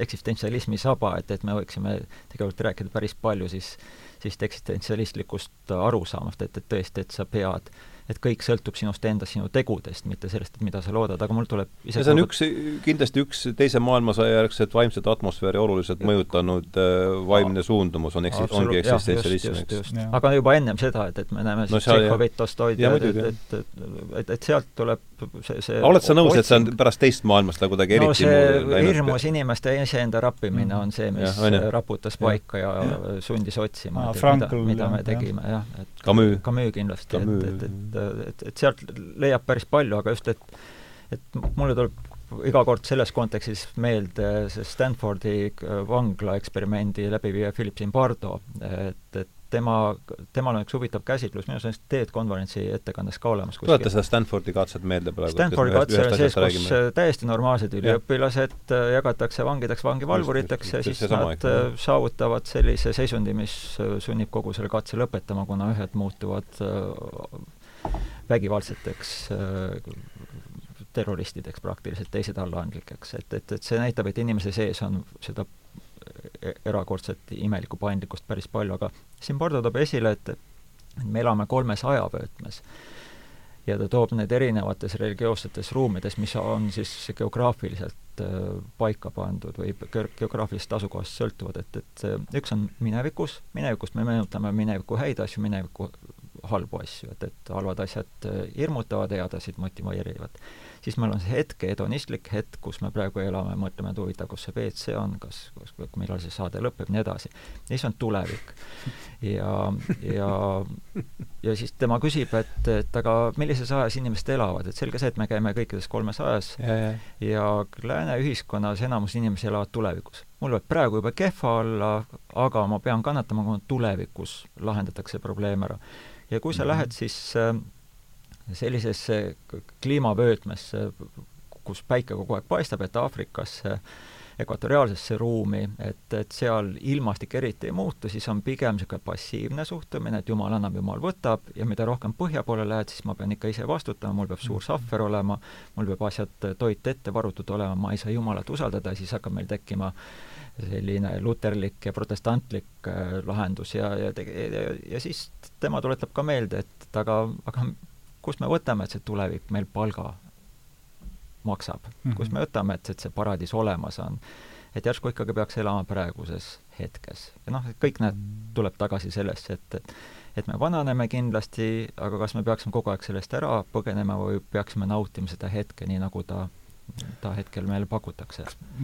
Kui võib, siis ma prooviks siis ise esitada selle küsimuse, et väga huvitav, ma mõtlesin ka enda kohal, kuidas ma ise asju omavahel läbi mõtlen ja nüüd selle Bondiga, et siis selle Beckeri noh, see suure eksistentsiaalse hirmu küsimus, eks ju, mis juhib meie inimmotivatsiooni, et kui me nüüd mõtleme siinmaal asju, et kas siis nagu omaette mõeldes, kas võiks olla see üheks nagu teeks, kuidas sellest eksistentsiaalsest hirmust väljuda, et kui ma nüüd, ma olen ka omavahel rääkides? jah, et ma olen ise nii palju juba lugenud neid asju, mulle tundub vahepeal, et minule see nii ei mõju, noh, tavalisel päeval ma jälle unustan ennast ära, et eks ju, aga, aga üldiselt ma jube palju tuleb mul meelde see, et ma võtan seda surma sõbrana, no see, mis ma lapsena olin. no seesama, mis Kristjan enne ütles, et üksi me läheksime, me hakkaksime kiiresti otsima ju, kujuta ette, et mitte kedagi ei oleks ümber. jah, jah, jah, jah.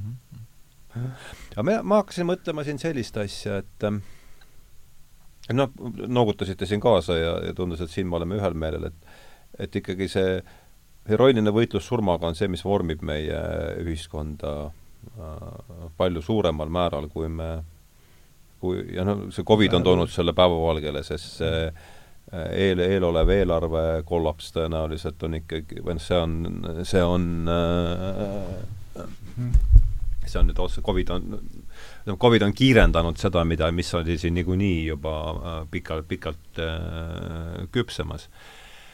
et äh, selgelt suhtumine surma, üld, üldine kultuuris levinud suhtumine surma mõjutab meie kõiki institutsioone palju suuremal määral, kui me oskame endale ette kujutada, ma lihtsalt lõpetan selle mõtte ära. ja aga et sealt seda suhtumist surma määravad ju jällegi mingid alusoletused ja nüüd on jällegi küsimus see, et mis on siis lõpuks illusioon. et et, et, et, et mis on see nullhüpotees, et kas, kas nullhüpotees on see, et me ei näe pärast surma enam mingeid unenägusid ja me, ja siis me peame seda hakkama ümber, me võtame seda niimoodi ja noh, praegu on selgelt ju see kultuuri nullhüpotees on see, et kui juhe tõmmatakse masinast välja, siis on kõik läbi mm, -hmm. null. aga noh, me teame, et erinevatel aegadel meie enda kultuuriski on olnud teistsuguseid äh, nullhüpoteese, et, et see normaalseks peeti seda, et unenägu jätkub ja siis omandab paradiise põrgu ja kõik noh, kõik see tantelik asi omandab ju äh, omandab ju teise tähenduse, et äh, lihtsalt see ar-, ma ei suuda, ma ei üritagi siin praegu nüüd täpset küsimust formuleerida, lihtsalt viskan, piiritlesin teema ja kuulan see, et ja, kuulaks hea meelega teie arvamusi selles suhtes. hüppan korra tagasi sellesse, et tead, et surm, surm on siis selle superego ehk kultuuri väga oluline et, et kas defineerime seda ühiskonnana või kultuurina, et, et surm hästi palju asju määrab, aga mitte kõike. ja just seetõttu, et et, et me oleme valikulised, et äh, siin hinnatakse, et aastaks kaks tuhat viiskümmend maailmas äh, pensionifondi puudujääk on umbes nelisada triljonit dollarit. see on kosmiline, noh, et me võime praegu ükskõik, mis teine narv no, on sama hea. ta on nagu võimatult suur number, aga see tuleb sellest, et me elame kauem, just see surmateema tuleb siin ilusti esile, aga näed, ta ei mõjuta neid mo moraalseid valikuid, mis me praegu peaksime tegema, et me mm -hmm. võime täiesti praegu öelda, et me, me liigume selle selle kuristikuserva poole täitsa südamerahuga, lükkame seda keskealist äh, inimmassi sinna, kuna vanemaealised saavad veel pensioni kätte mm. -hmm. mingil moel see puhtpoliitiliste kokkulepetena, enne kui asi väga hapuks läheb mm. -hmm. aga see saab otsa, järelikult see majanduslik äh, konstruktsioon ka tegelikult vettpidav ei ole, aga me elame selles illusioonis ja vot siin näed, millegipärast surm ei hirmuta meid, vaid me unustame selle teema ära, vaid, vaid üritame elada seda elamise konstruktsiooni puhtmajanduslikus mõttes. aga teine selles, selles sinu formuleerimata küsimuse teema puhul tuleb lihtsalt küsimus on, et, et kuidas me seda maailma vaatame, siin on äh, ju huvitav ka see, et, et järsku me elame üleüldse simulatsioonis. et äh, Nick Boströmi simulatsiooni argument, et mm, -hmm. et, mhm. et meil ei olegi midagi muud, et, et, et see ei ole uni, vaid, vaid see on lihtsalt üks äh, simuleeritud äh, eksistentsiaalne seisund, mis äh, ehk, ehk uni no aga kas me ütleme seda uneks, jällegi defineerimise või kriteeriumite küsimus. no praegusel, kus arvutiteadus on moes, on seda, seda teaduslikku respektaabli auväärsuse nimes on kõigesse parem nimetada mingiks simu-, arvutisimulatsiooniks. aga põhimõtteliselt on ta mütoloogiliselt ikkagi pigem sinna une, unesahtlisse. no sa võid niimoodi seletada, aga et, et see simulatsiooni argument just ja siin on päris tõsised, minu arust sellel aastal on siin just viimase, selle aasta teises pooles on tekkinud siin paar uuesti ärk-, ärk-, ärkamist kus väidavad mm., et osa ütlevad, et see on viiskümmend, viiskümmend tõenäosus, et enamus inimesi on simuleeritud, või on isegi sellist argumenti, et üks miljardile, et, et väga suurelt, et kuidas seda kontrollida, noh, simula-, simuleeritud inimene ei saa enda simulatsiooni kontrollida, kuna ta on niivõrd hästi simuleeritud mm. -hmm. et ja, ja siin hakkab tekkima siis noh, Sheldrake'i, Sheldrake'i konstruktsioonile võib anda nagu, nagu, nagu elu, elujõudu või noh, jutumärkides mm. elujõudu et, et see, kui see on simulatsioon, siis tõesti, et, et ta lihtsalt on kujuta ette, et me oleme tegelikult ühe kosmilise või astronoomilise lapse mänguväljakul ja ta ütleb, näed, et kuule, et minul vaata, mis nad teevad, tegid tuumapommi siin vahepeal.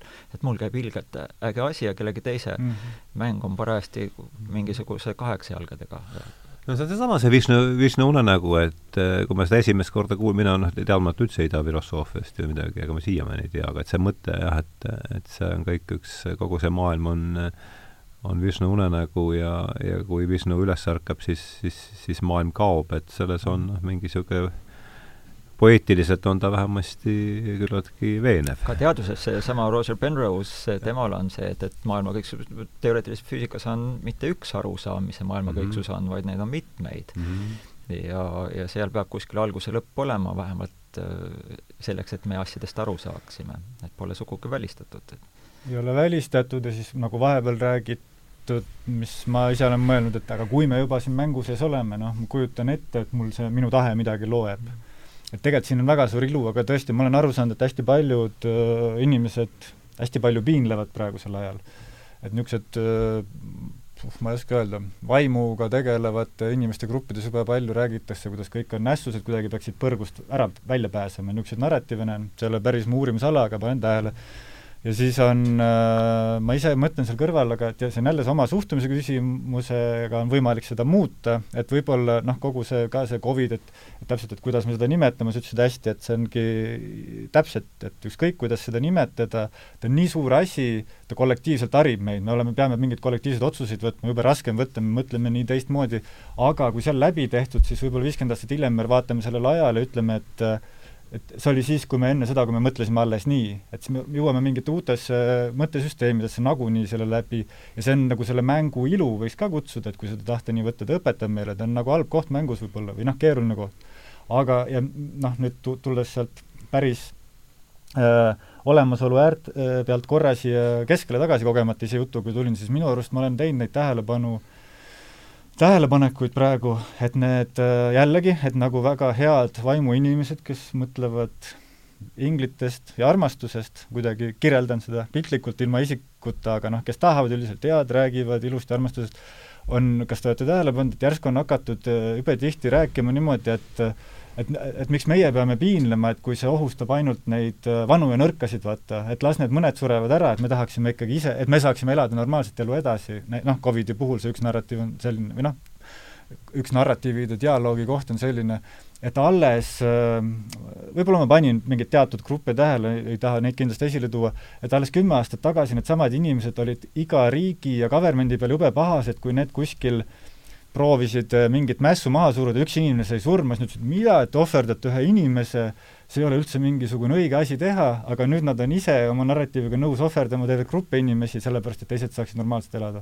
et niisugune mõtteviisi muutus on juba nagu mängu tulnud ja noh, minu, ma ei tea, kas see, see võib olla ajutine, eks ju, keeruliste aegade ja pärast jälle taandub selline mõtlemine, aga praegu, et see hea, hingelik, armastav inimene on nõus teatud inimesi ohverdama, et teistel oleks mugav selle esile kerkimise ma nagu tajusin ise ära või noh, vaadates niisuguseid. jah, võta sa kinni siin, kus see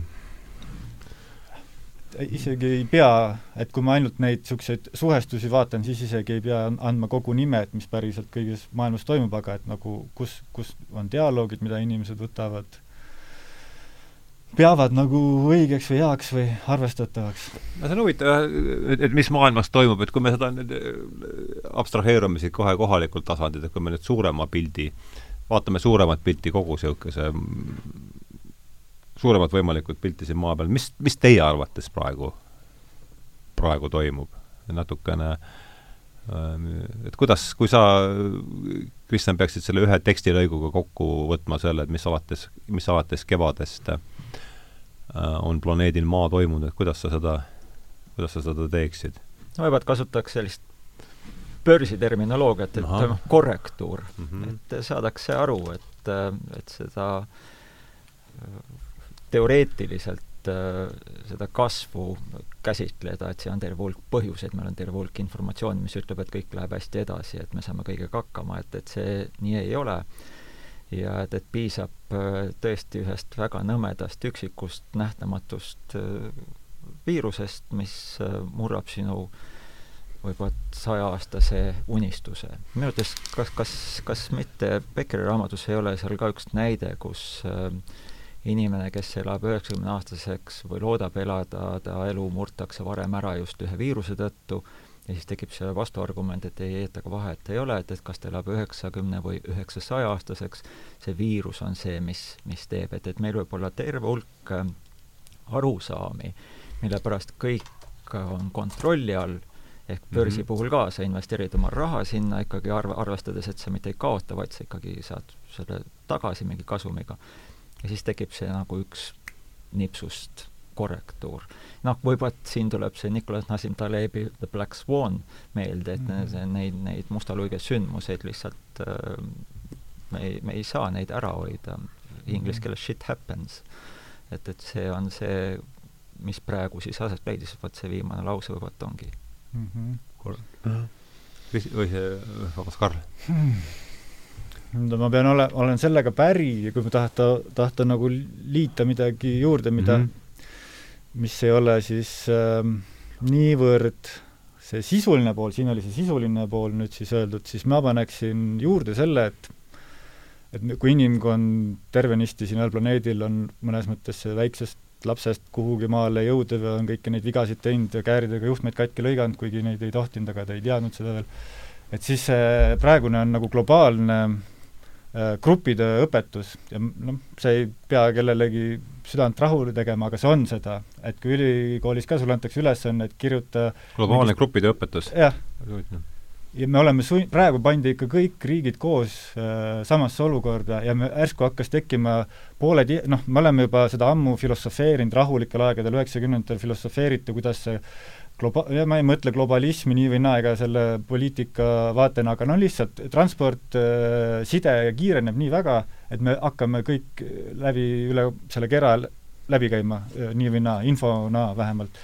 ja siis äh, seal tuleb igasuguseid kõvasid dissonantse sisse, sest et ongi maailmavaated erinevad ja ma ise olen, ma vanasti nooremana proovisin reisida just nagu võimalikult äh, kaugele mingist Euroopa kultuurist ja kuskile imelikku kohta minna, kus ei oleks äh, väga palju tuttavaid asju ja vaatadki, et teiste inimeste päevad äh, toetuvad täitsa erinevatele pidepunktidele teatud juhtudel, ja nüüd äh, see omavaheline kommunikatsioon, ta ongi keeruline, teoloogias, äh, religiooniuuringutes õpid neid kohti, kuidas, et miks mingid kaheksa riiki ei saanud nagu rahvusvahelisele inimõiguste konventsioonile alla kirjutada, et et kas neil on jube vaja siis piinata inimesi või nad ütlesid ei, ei, aga nad ei saa ja sealt tulevad, see on peened probleemid, miks nad ei saa kirjutada, sest need maailma käsitlus on teistsugune.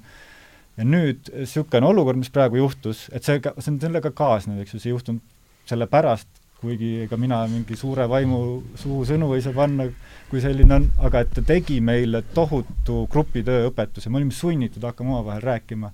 kohe algul vastu nägu, Poola ei lase autosid läbi, kuidas kõik peavad Hiinast maske tellima, nii palju pandi metsa ja nüüd hakati juba korrektuure tegema ja, ja juba tulevikus meil on nagu paremad öö, oskused, et, et see tohutu õpetus, see viib nagu noh, tervet inimkonda nagunii edasi mm. -hmm. üldiselt paistab ju, et inimesed ei äh, muuda käitumist äh, tarkusepõhiselt, ütleme teadmistepõhiselt. vabatahtlikult, kui on võimalik. ja isegi kui sulle ennustatakse ette, et lihtne näide võib-olla, et kardiovaskulaarne risk, et, et me selle mhm. teame, et on reaalselt olemas, aga absoluutselt enamus mitte midagi selle nimel ei tee või siis teeb ainult natukene, markeerib midagi, rahuldamaks seda, et ma midagi olen teinud ja siis süüdistab maailma või saatust, juhul kui see jama juhtub.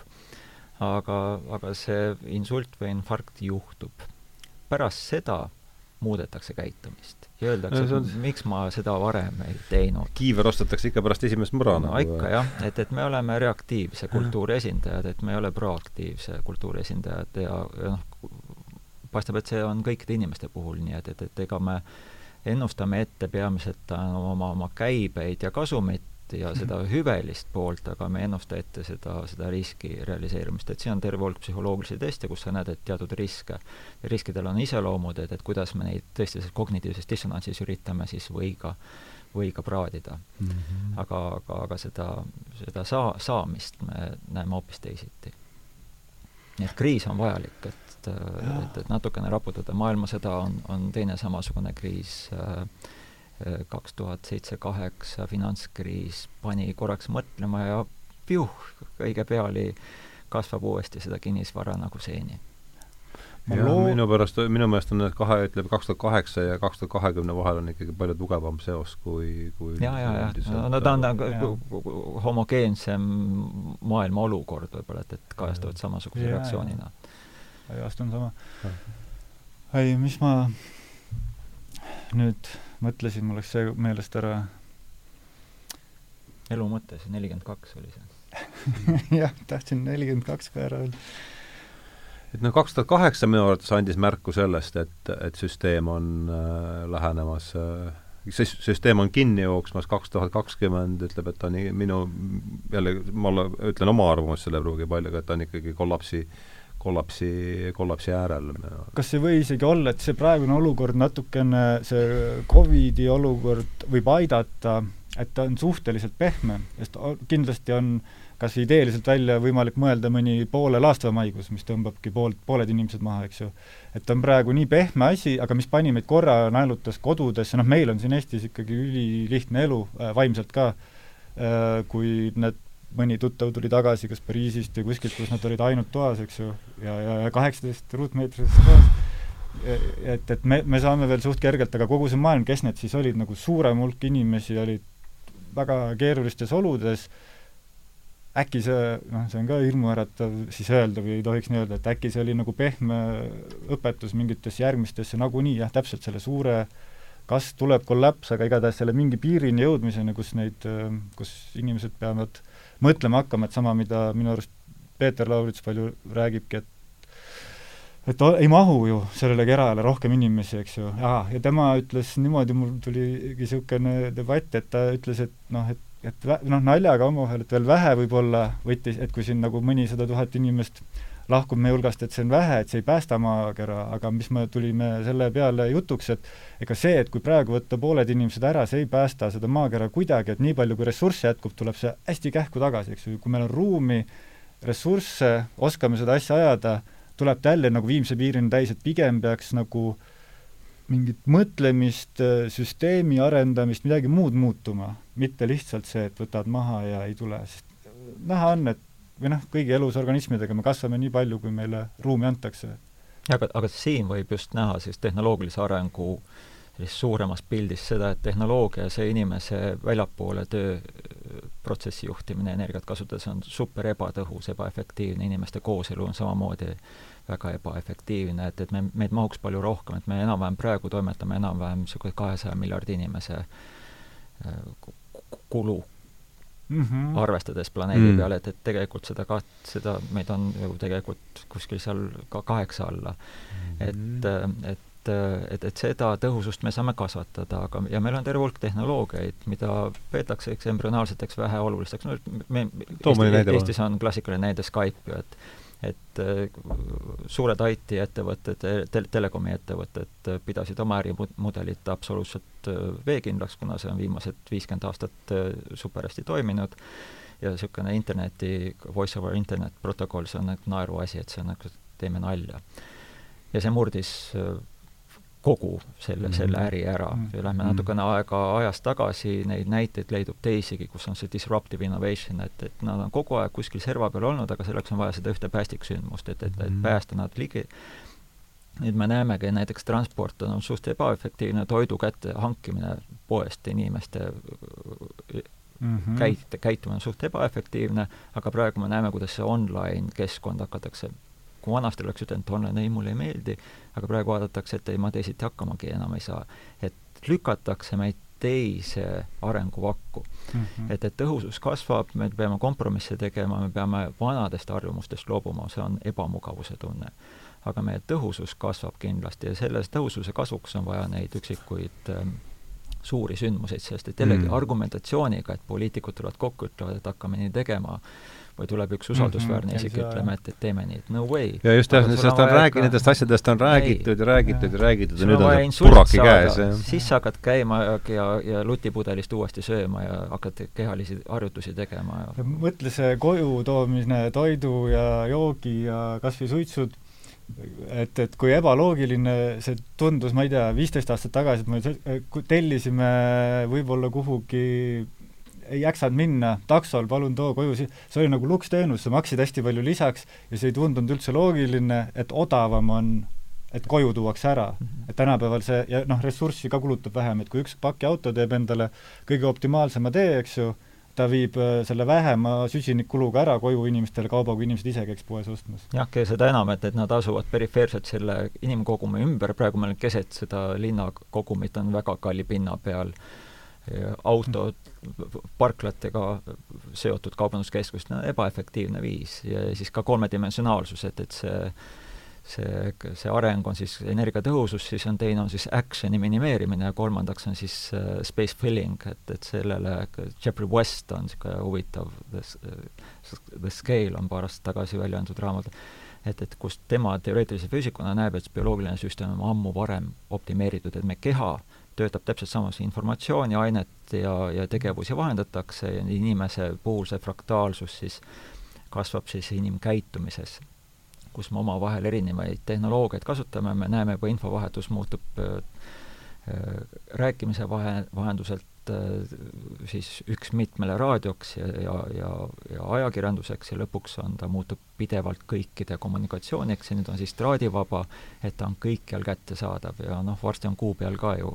4G olemas. Mm.. et, et need on kõik need tehnoloogilised trendid, mis viitavad sellele, et, et inimene ei saa olla vanaviisi, nagu ta on olnud, selline bioloogiline hajus öö, olemus vaid ta peab muutuma ja see muutumistempo on niivõrd palju kasvanud, et me kogeme seda ebamugavust äh, mitte üle, üle surma, vaid oma elu jooksul kaks-kolm korda me peame harjumustest jagu saama mm., vot see on see koht, kus me peame õppima elama praegu, mitte ütlema, et, et tulevik midagi peab kui me ikka põhjapanevalt ennast muudame, siis midagi peab meist surema. jah, me, ja me peame kompromissialtid olema, me peame olema valmis ohverdusteks ja ohverdus ei ole mitte eluohverdus antud juhul, vaid ta on ikka mugavuste ohverdus.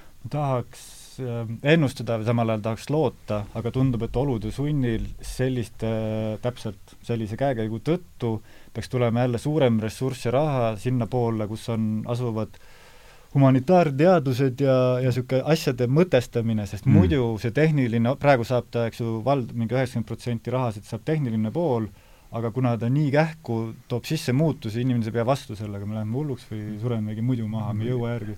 et ja, nüüd ja, peab hakkama tähendus. ja looti, loodeti, et see suur tehnoloogiline võidukäik, eks toob meil paradiisi maa peale, nüüd vot tundub, et see kiirendab hoopis meie kapakut äh, praegu sellest äh, kuristiku servast alla, et see on üks võimalus äh, ka asja jah. asja mõtestada. jah, kui ma ennem, ennem tõin selle näite, et, et, et me oleme praegu, on selliseks äh, äh,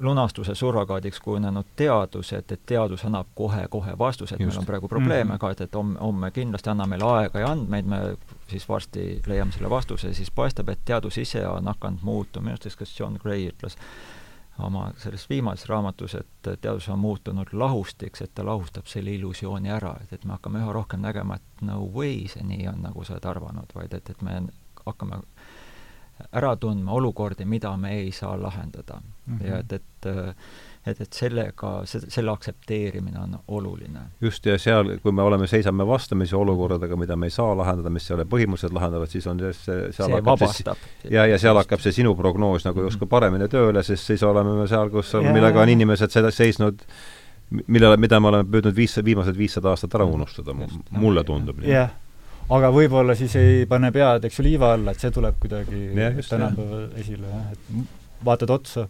ja aga see just inimeseks olemise väärtus hakkab muutuma, me oleme praegu olnud ju kaks-kolm põlvkonda, kus on isegi kultuuris tähendused on mehhanistlikud, nad on masinast, me, me räägime protsessorist. masinad nagu, masina metafoorid on. just, et metafoorid on masinakesksed mm -hmm. ja olen täiesti ära unustanud see, see, selle, et mida see armastus tähendab, armastus tähendab siis, ma ei tea, oksütotsiini ja veel paari neuromediaatori kontsentratsiooni muutust. No way, see nii on mm. -hmm aga näed, et selleks noh, masina peame... tasandil, mida suudetakse mõõta ja mida liigutada ja see, seal see on see kriteeriumi küsimus. seal sa võid jah, niimoodi jah, seda ju, aga jah, et see ei selgita seda subjektiivset armastuse või ar arvamuse kogemust. ta ei selgita seda, mida poeet kirjutab Just. ja mille pärast sa seda naudid rohkem kui seda teadusartiklit. aga noh, poeedi jutt pannakse praegu kõrvale, sest see ei ole teaduslik ja, ja noh, mhm. tulemus on see, et paneme kõik lukku. jah, tuleb väga-väga huvitav see aeg jah, või noh, mis, mis sammudega siit edasi minnakse, et äh, tuleb seda tõdeda vahepeal, et kui neist asjadest räägitakse jah, et on, on uus olukord jah jah, no tagasi tulles selle, et mis, me oleme siin ju nüüd, poolteist tundi saab täis, et saame siin veerand tunniga või veerand tunniga niimoodi jutu sadamasse juhtida, et et mis suures pildis toimub, et ma olin seda intervjuud vaadanud mitu korda varem, aga aga nüüd ma vaatasin ta uuesti üle ja siis David Fulleri intervjuu Richard Tarnasega, kus Tarnas ütleb, esimesed seitse minutit on minu arust täiesti suurepärane kokkuvõte, see jällegi noh, me ju kõik läheneme sellele kokkuvõttele oma taustast ja ja teiste jaoks on ta, tähendab, võib-olla midagi tähendada, aga, aga mulle ta kuidagi võttis asjad kokku ja ja kui sa sellest seitsmest minutist veel kokku võtta, võtta, et siis tema ütleb seda, et kogu planeedi tasandil, see käis see surmanähedane kogemus, käis ju siit läbi, eks mm. -hmm et tema ütles ka niisugust poeetiliselt meeldejääva kujundi, et uh, near death experience in slow motion on see Covid mm. -hmm. Ehk siis siis mm -hmm. uh, surmalähedane kogemus aegluubis kogu kogu planeedi mõõtkavas ja selles -hmm. mõttes noh, ta, ta on selgelt niisugune mütoloogilisest uh, jällegi ja siis kuivõrd mütoloogiline, järelikult ebateaduslik meie niisuguse ülikooli teaduse vaatevinklist, aga noh olgugi ebateaduslik, aga minu arvates kõige täpsem äh, sedastus, mida ma siiani äh, olen kuulnud, noh jällegi tulenevalt ole oma, oma sellest äh, aga ei ma ei tea, kuidas see teie, mis teie sellest mõttest arvate? tähendusväljaga tegelemine, et siin isegi ei ole tähtis, kuivõrd teaduslik ta on, aga ma arvan, et mis siis ka, noh, teadus on ütleks siis üks osa, kus saab täps-, täpsemalt küsimusi järgi küsida, nagu Solomon tegi äh, Äh, Beckeriga, kakskümmend aastat proovisid neid samad küsimusi laboratoorsetes tingimustes katsetada.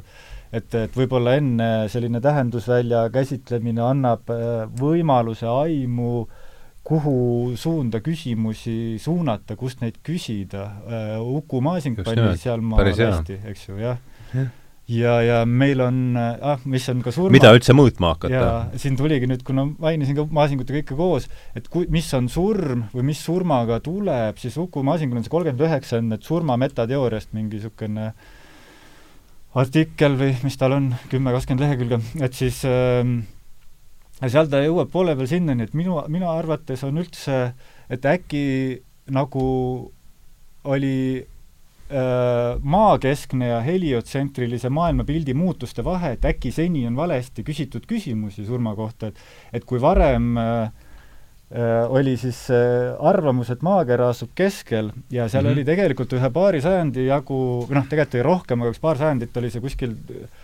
teaduses nagu täiesti suur arutelu, et miks need ühed planeedid niisuguseid nagu imelikke kujundeid joonistavad, sinna, mis imearvutusi sinna pakuti. no see oli see Ptolemaiuse mudel ja,. jah, jah, Ptolemaiuse järgi, eks ju, kuni siis Kopernikuseni, kuni siis üks päev päike asub keskel ja kõik need paarsada aastat arvutusi tühjad, vaata, need olid täiesti mõttetud. jah, ja milline, milline muutus see ja, pidi ja. olema tolleaegse inimese, et see, me ei kujuta seda mm. isegi ette, mida see ja. võis, võis tähendada, et maalt nihkub, see on, et luge-, oleme ju lugenud äh, keskkooliõpikutest ja algkooliõpikutest küll seda, aga ja. aga mida see võis tähendada see inimese jaoks? Äh, ja ma just, et seal olid teatud teadusasutused Euroopas, kus või noh, mis kloostrite juures näiteks mitusada aastat olid erinevad inimesed proovinud välja arvutada, mis toimub, ja nüüd, mis juhtus, me saime uue küsimuse, uut moodi küsida, et kui on päike keskel, et kuidas Just. need äh, ringid siis nagu ja nüüd äh, Uku Masingu romantiline äh, jutt seal kolmekümne üheksandast, et et äkki on selle surma või mis see peale surma on või mis surm on, äkki on see küsimus pole veel õigesti ära küsitud mm.. sellepärast, vaata, mis see inimene siin on üldse. üks võimalus seda see kuidagi niimoodi sõnastada või täpsustada seda tarnase metafoori, et slow või see, et et äh, surmalähedane kogemus aegluubis ongi see, et me otsime uusi, uusi küsimusi, mis, äh, mis lükkavad rööpad jälle noh, siin jah, jah, just. ja me, me muutume ju tundlikuks, see see surmaeelne või selle traagilise sündmuseelne aja seiskumise kogemus ei ole ju saladus, et ja, seda paljud ja. inimesed näevad, et sa, sa muutud tundlikuks nende detailide suhtes ja ja kui sul varasemalt on elu kujunenud enam-vähem niimoodi, et sa tead ette, mis juhtub, siis see hetk on ju see, kus sa, tuleb välja, et kõik on teisiti, siis see, see vahetu muutus, arvatavasti see tajutakse natuke hiljem ja. küll, aga et see muutuse määr on see, kus, kus sa kognitiivselt oled tundlikum ja üritad korri-, korrigeerida, et mis see aju on aju on ennustamise masin, aju teab ainult ajalugu, ta ei tea midagi tulevikust. ta teeb kogu aeg ainult konstruktsioone mm. -hmm. ja kui, kui ta õnnestub, siis see elu jääb alles ja ta annab ajule süsivesikuid ja, ja aju teeb oma tööd edasi. aga aeg-ajalt äh, satuvad siis kriisi nende otsuste ja valikutega ja vot see on see koht, kus me muutume tähelepanelikumaks ja hakkame paradigma muutuseid tegema. noh, teadusfilosoofias Thomas Kuhn toob yeah. esile just selle paradigma muutuse, et meile meil on vaja ühel hetkel lihtsalt kuhjub neid teadmisi, mis on see nii konfliktsed, et et see poolteist tuhat aastat Ptolemaiust, äh, mida õigustati ja kogu aeg mhm. erandeid toodi, minu arvates oli ka kas äh, mitte Newton ütles, et jah, et äh, see on tõend Jumala olemasolu kohta, et sest ainuke, kes tohib erandeid teha, on Jumal. et, et selle tõttu on nad natuke teist, teistmoodi. Mhm. et, et me üritame seda kognitiivset dissonantsi kogu aeg ära seletada, kuni ühel mhm. hetkel lihtsalt ei suuda ja siis me avastame, et okei okay,, uh, nüüd me seletame kõike teisiti ja mm -hmm. Max Planck vist ütleb, et, et et teadus areneb edasi üks surm korraga, see on teadlane mm. peab eest ära surema, et, et, et muidu ta hoiab neid kõiki teisi mõtteid liiga kinni mm. -hmm. aga jällegi, see on õige küsimus, et, et küsimus on see, mis määrab, millise vastuse me saame.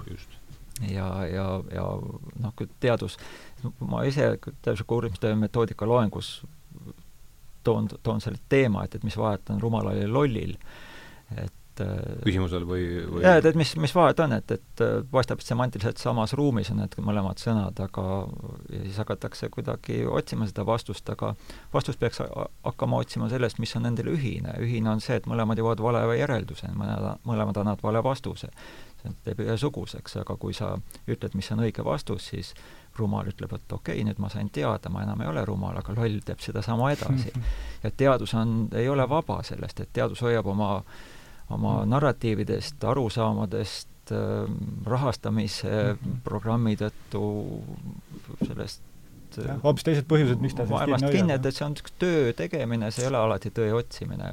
ja seetõttu äh, me ei saa usaldada seda teadust lõpuni ja see on väga halb, sellest et seda me oleme seni ikkagi pidanud selleks peamiseks edasiviivaks jõuks. sisuliselt on meie dogma lagunemas, me oleme ja no selle, kirik lagunes ka seetõttu, et, et käitus halvasti ja tekkis protestantlik liikumine ja nii edasi. arvan jah, see paralleel katoliiku kiriku lagunemisega reformatsioonis on siin võib-olla kõige päevakohasem.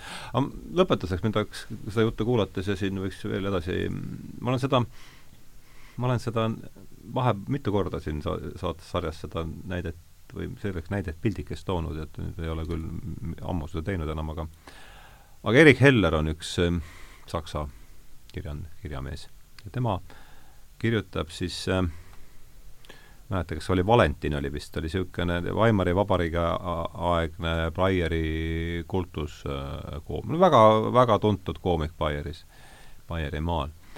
Ja tema siis äh, üks äh, number olevat olnud selline, et kardin läheb eest ära ja laval on siis laternapost, ainuke lava, kus on laternapost ja all on siis, näitab sõõri lava peale ja ja Valentin otsib seal midagi. okei okay,, see statistika klassikaline. jah, et mitte midagi seal on, kõigil on näha, et seal sõõris mitte midagi ei ole ja siis tuleb politseinik ja politseinik küsib, et, et mis sa siin teed, et ma kaotasin võtmed. ja siis otsivad seal mõlemad selle sõõri ümber, näha, et seal midagi ei ole, politseinik küsib, et kas sa oled sa kindel, et sa nad siia kaotasid? ei, et ma kaotasin nad sinna, osatab sinna lava pimedasse nurka, aga miks sa siis seal ei otsi? et seal ei ole valgust mm. -hmm. Mm -hmm. et kuidas me sellest olukorra, mulle tundub, et kui me nüüd jääme selle tarnase, kuidas me sellest äh, probleemist teie arvate, kas see, see tundub kokkuvõtvalt minu jaoks kogu selle asja nagu tuuma, et, et kuidas te sellest äh, välja kui kas näe-, mis, milliseid väljapääsuteid te näete sellest kas, olukorrast? kas peab välja pääsema rumalusest, et me oleme rumalad, tunnistage seda, et, et see on tõsisitt, et, et me hommikust õhtuni elame, üritame olla targad, aga me peame olema enesekriitilised, see kriitilise mõtlemise võime on hästi oluline mm.. kriitiline mõtlemine, kommunikatsioon omavahel on see, kus hakkab just. esile tulema see, see midagi, mis äh, mida selleks in-, inimese eeliseks peetakse, aga seni, kuni me oleme polariseerunud, ühtedel on mhm. rohkem õigus kui teistel, ühtedel on, antakse rohkem ligipääsu, kusjuures teaduses on hästi palju neid avastusi, mis tulevad teaduse selles valdkonna väliselt mm. -hmm. et, et miks me seda ei aktsepteeri, aga sellepärast, et inimene on egoist, nartsissist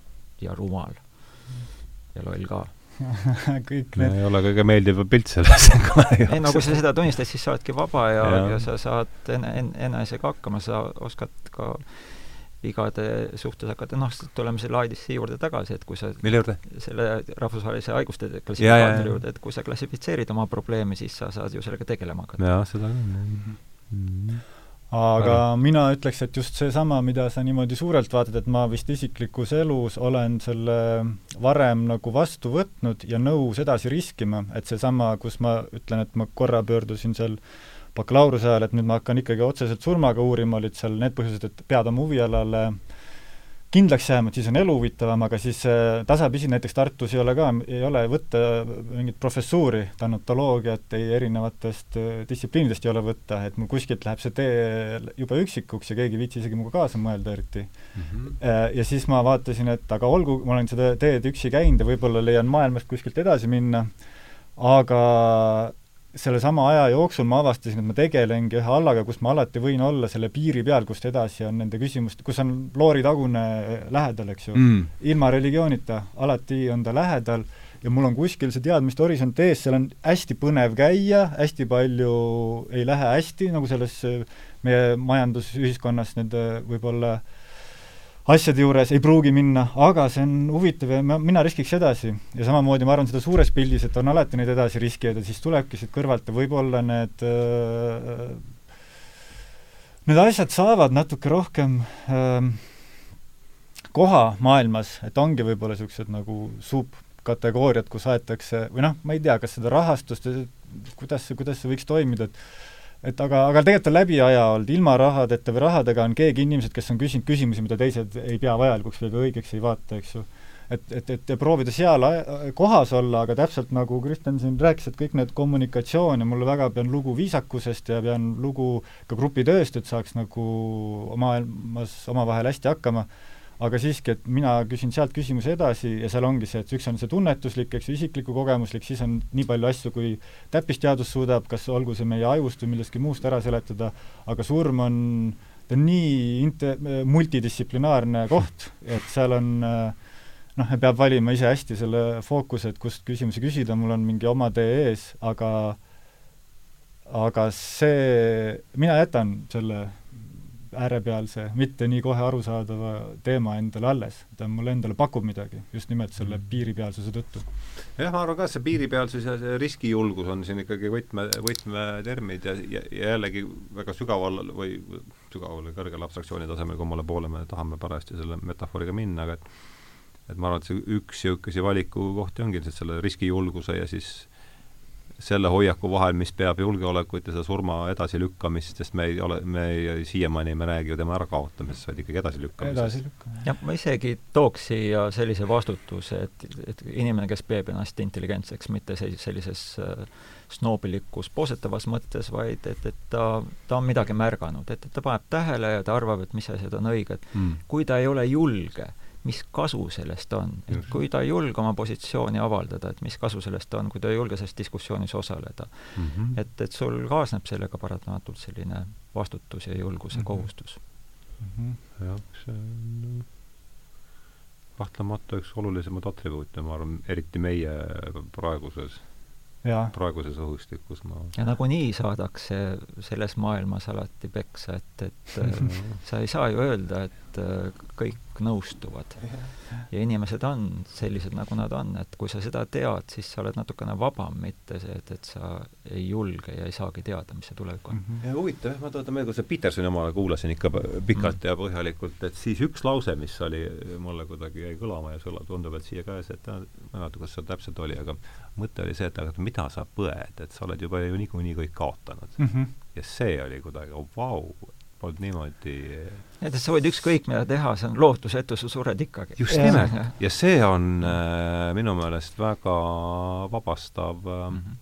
vabastav laus, minu, vähemalt minu jaoks tol hetkel oli ja, ja kuidagi siiamaani on ma arvan, et aitab ka kaasa, ma olen saanud mõne sellise, või me rääkisime siin selle aeglubisusest, et mul on see tunne olnud, et kus on äh, miinus viieteistkümnega kaugel mere peal ja hästi väsinuna, aga et siis äh, ast-, terve talv oli hästi külm, hästi paks jää, aga ühest kohast astud, vaatan, et on, ei ole jah, päris samasugune see jää, aga jalg läheb läbi ja kukun jääauku, aga see oli niisugune jää ja lume kiht oli niisugune paks ja siis seal all alles vesi, et sealt ei oleks, ja sõber oli noh, sada, paarsada meetrit minu arust kalda pool kuskil, aga see kukkumine, sealt tuli, ajust käis hästi kähku, arvutas ära, et siin on kindlalt kõik, siit ei ole isegi võimalust, kui mul oleks tugev välja saada, ja, ja see läks selle aegluubi peale, kus oli jube suur rahu ja üldse mingi ilma probleemita, niisugune, et panes käed rinnale, nüüd on see koht, kus aegluubis lähen, ja see täielik, mina ei oodanud midagi, et see tuli täielik ime, kuidas see sõber oli jõudnud, nagu ma päriselt oleksin elanud aeglasemas ajas kui olin sinna alla jõudnud kukkuda, siis tuli see sõbra käsi tõmbas Frodo või Sam'i käsi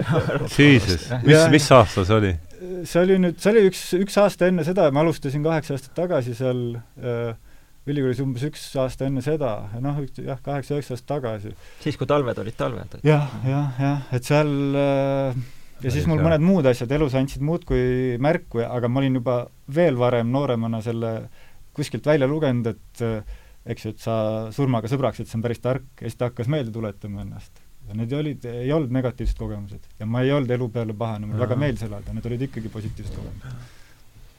ja, ja noh, seesama, mis ma siin unenägudest rääkisin, et, et no mina, ma ei tea sellest Tiibeti asjast palju, sa, sinu, sina vist olid seal, oled sa, sa käinud sealkandis? ei et nendel pidi olema, noh, nemad võtavad, nende nullhüpotees on jällegi see, et see selgelt, et jällegi palju teadmata vahenda-, vahendatud teadmine, aga see, mida ma kuulsin, on see, et alguses lapsest peale nad ja. programmeerivad ennast nägema teatud unenägusid, kui see mm -hmm. siis mm -hmm. loor langeb. Neil on spetsiaalsed mantrad. jah, et äh, ja see väga noh, hoopis teine, hoopis mm -hmm. teine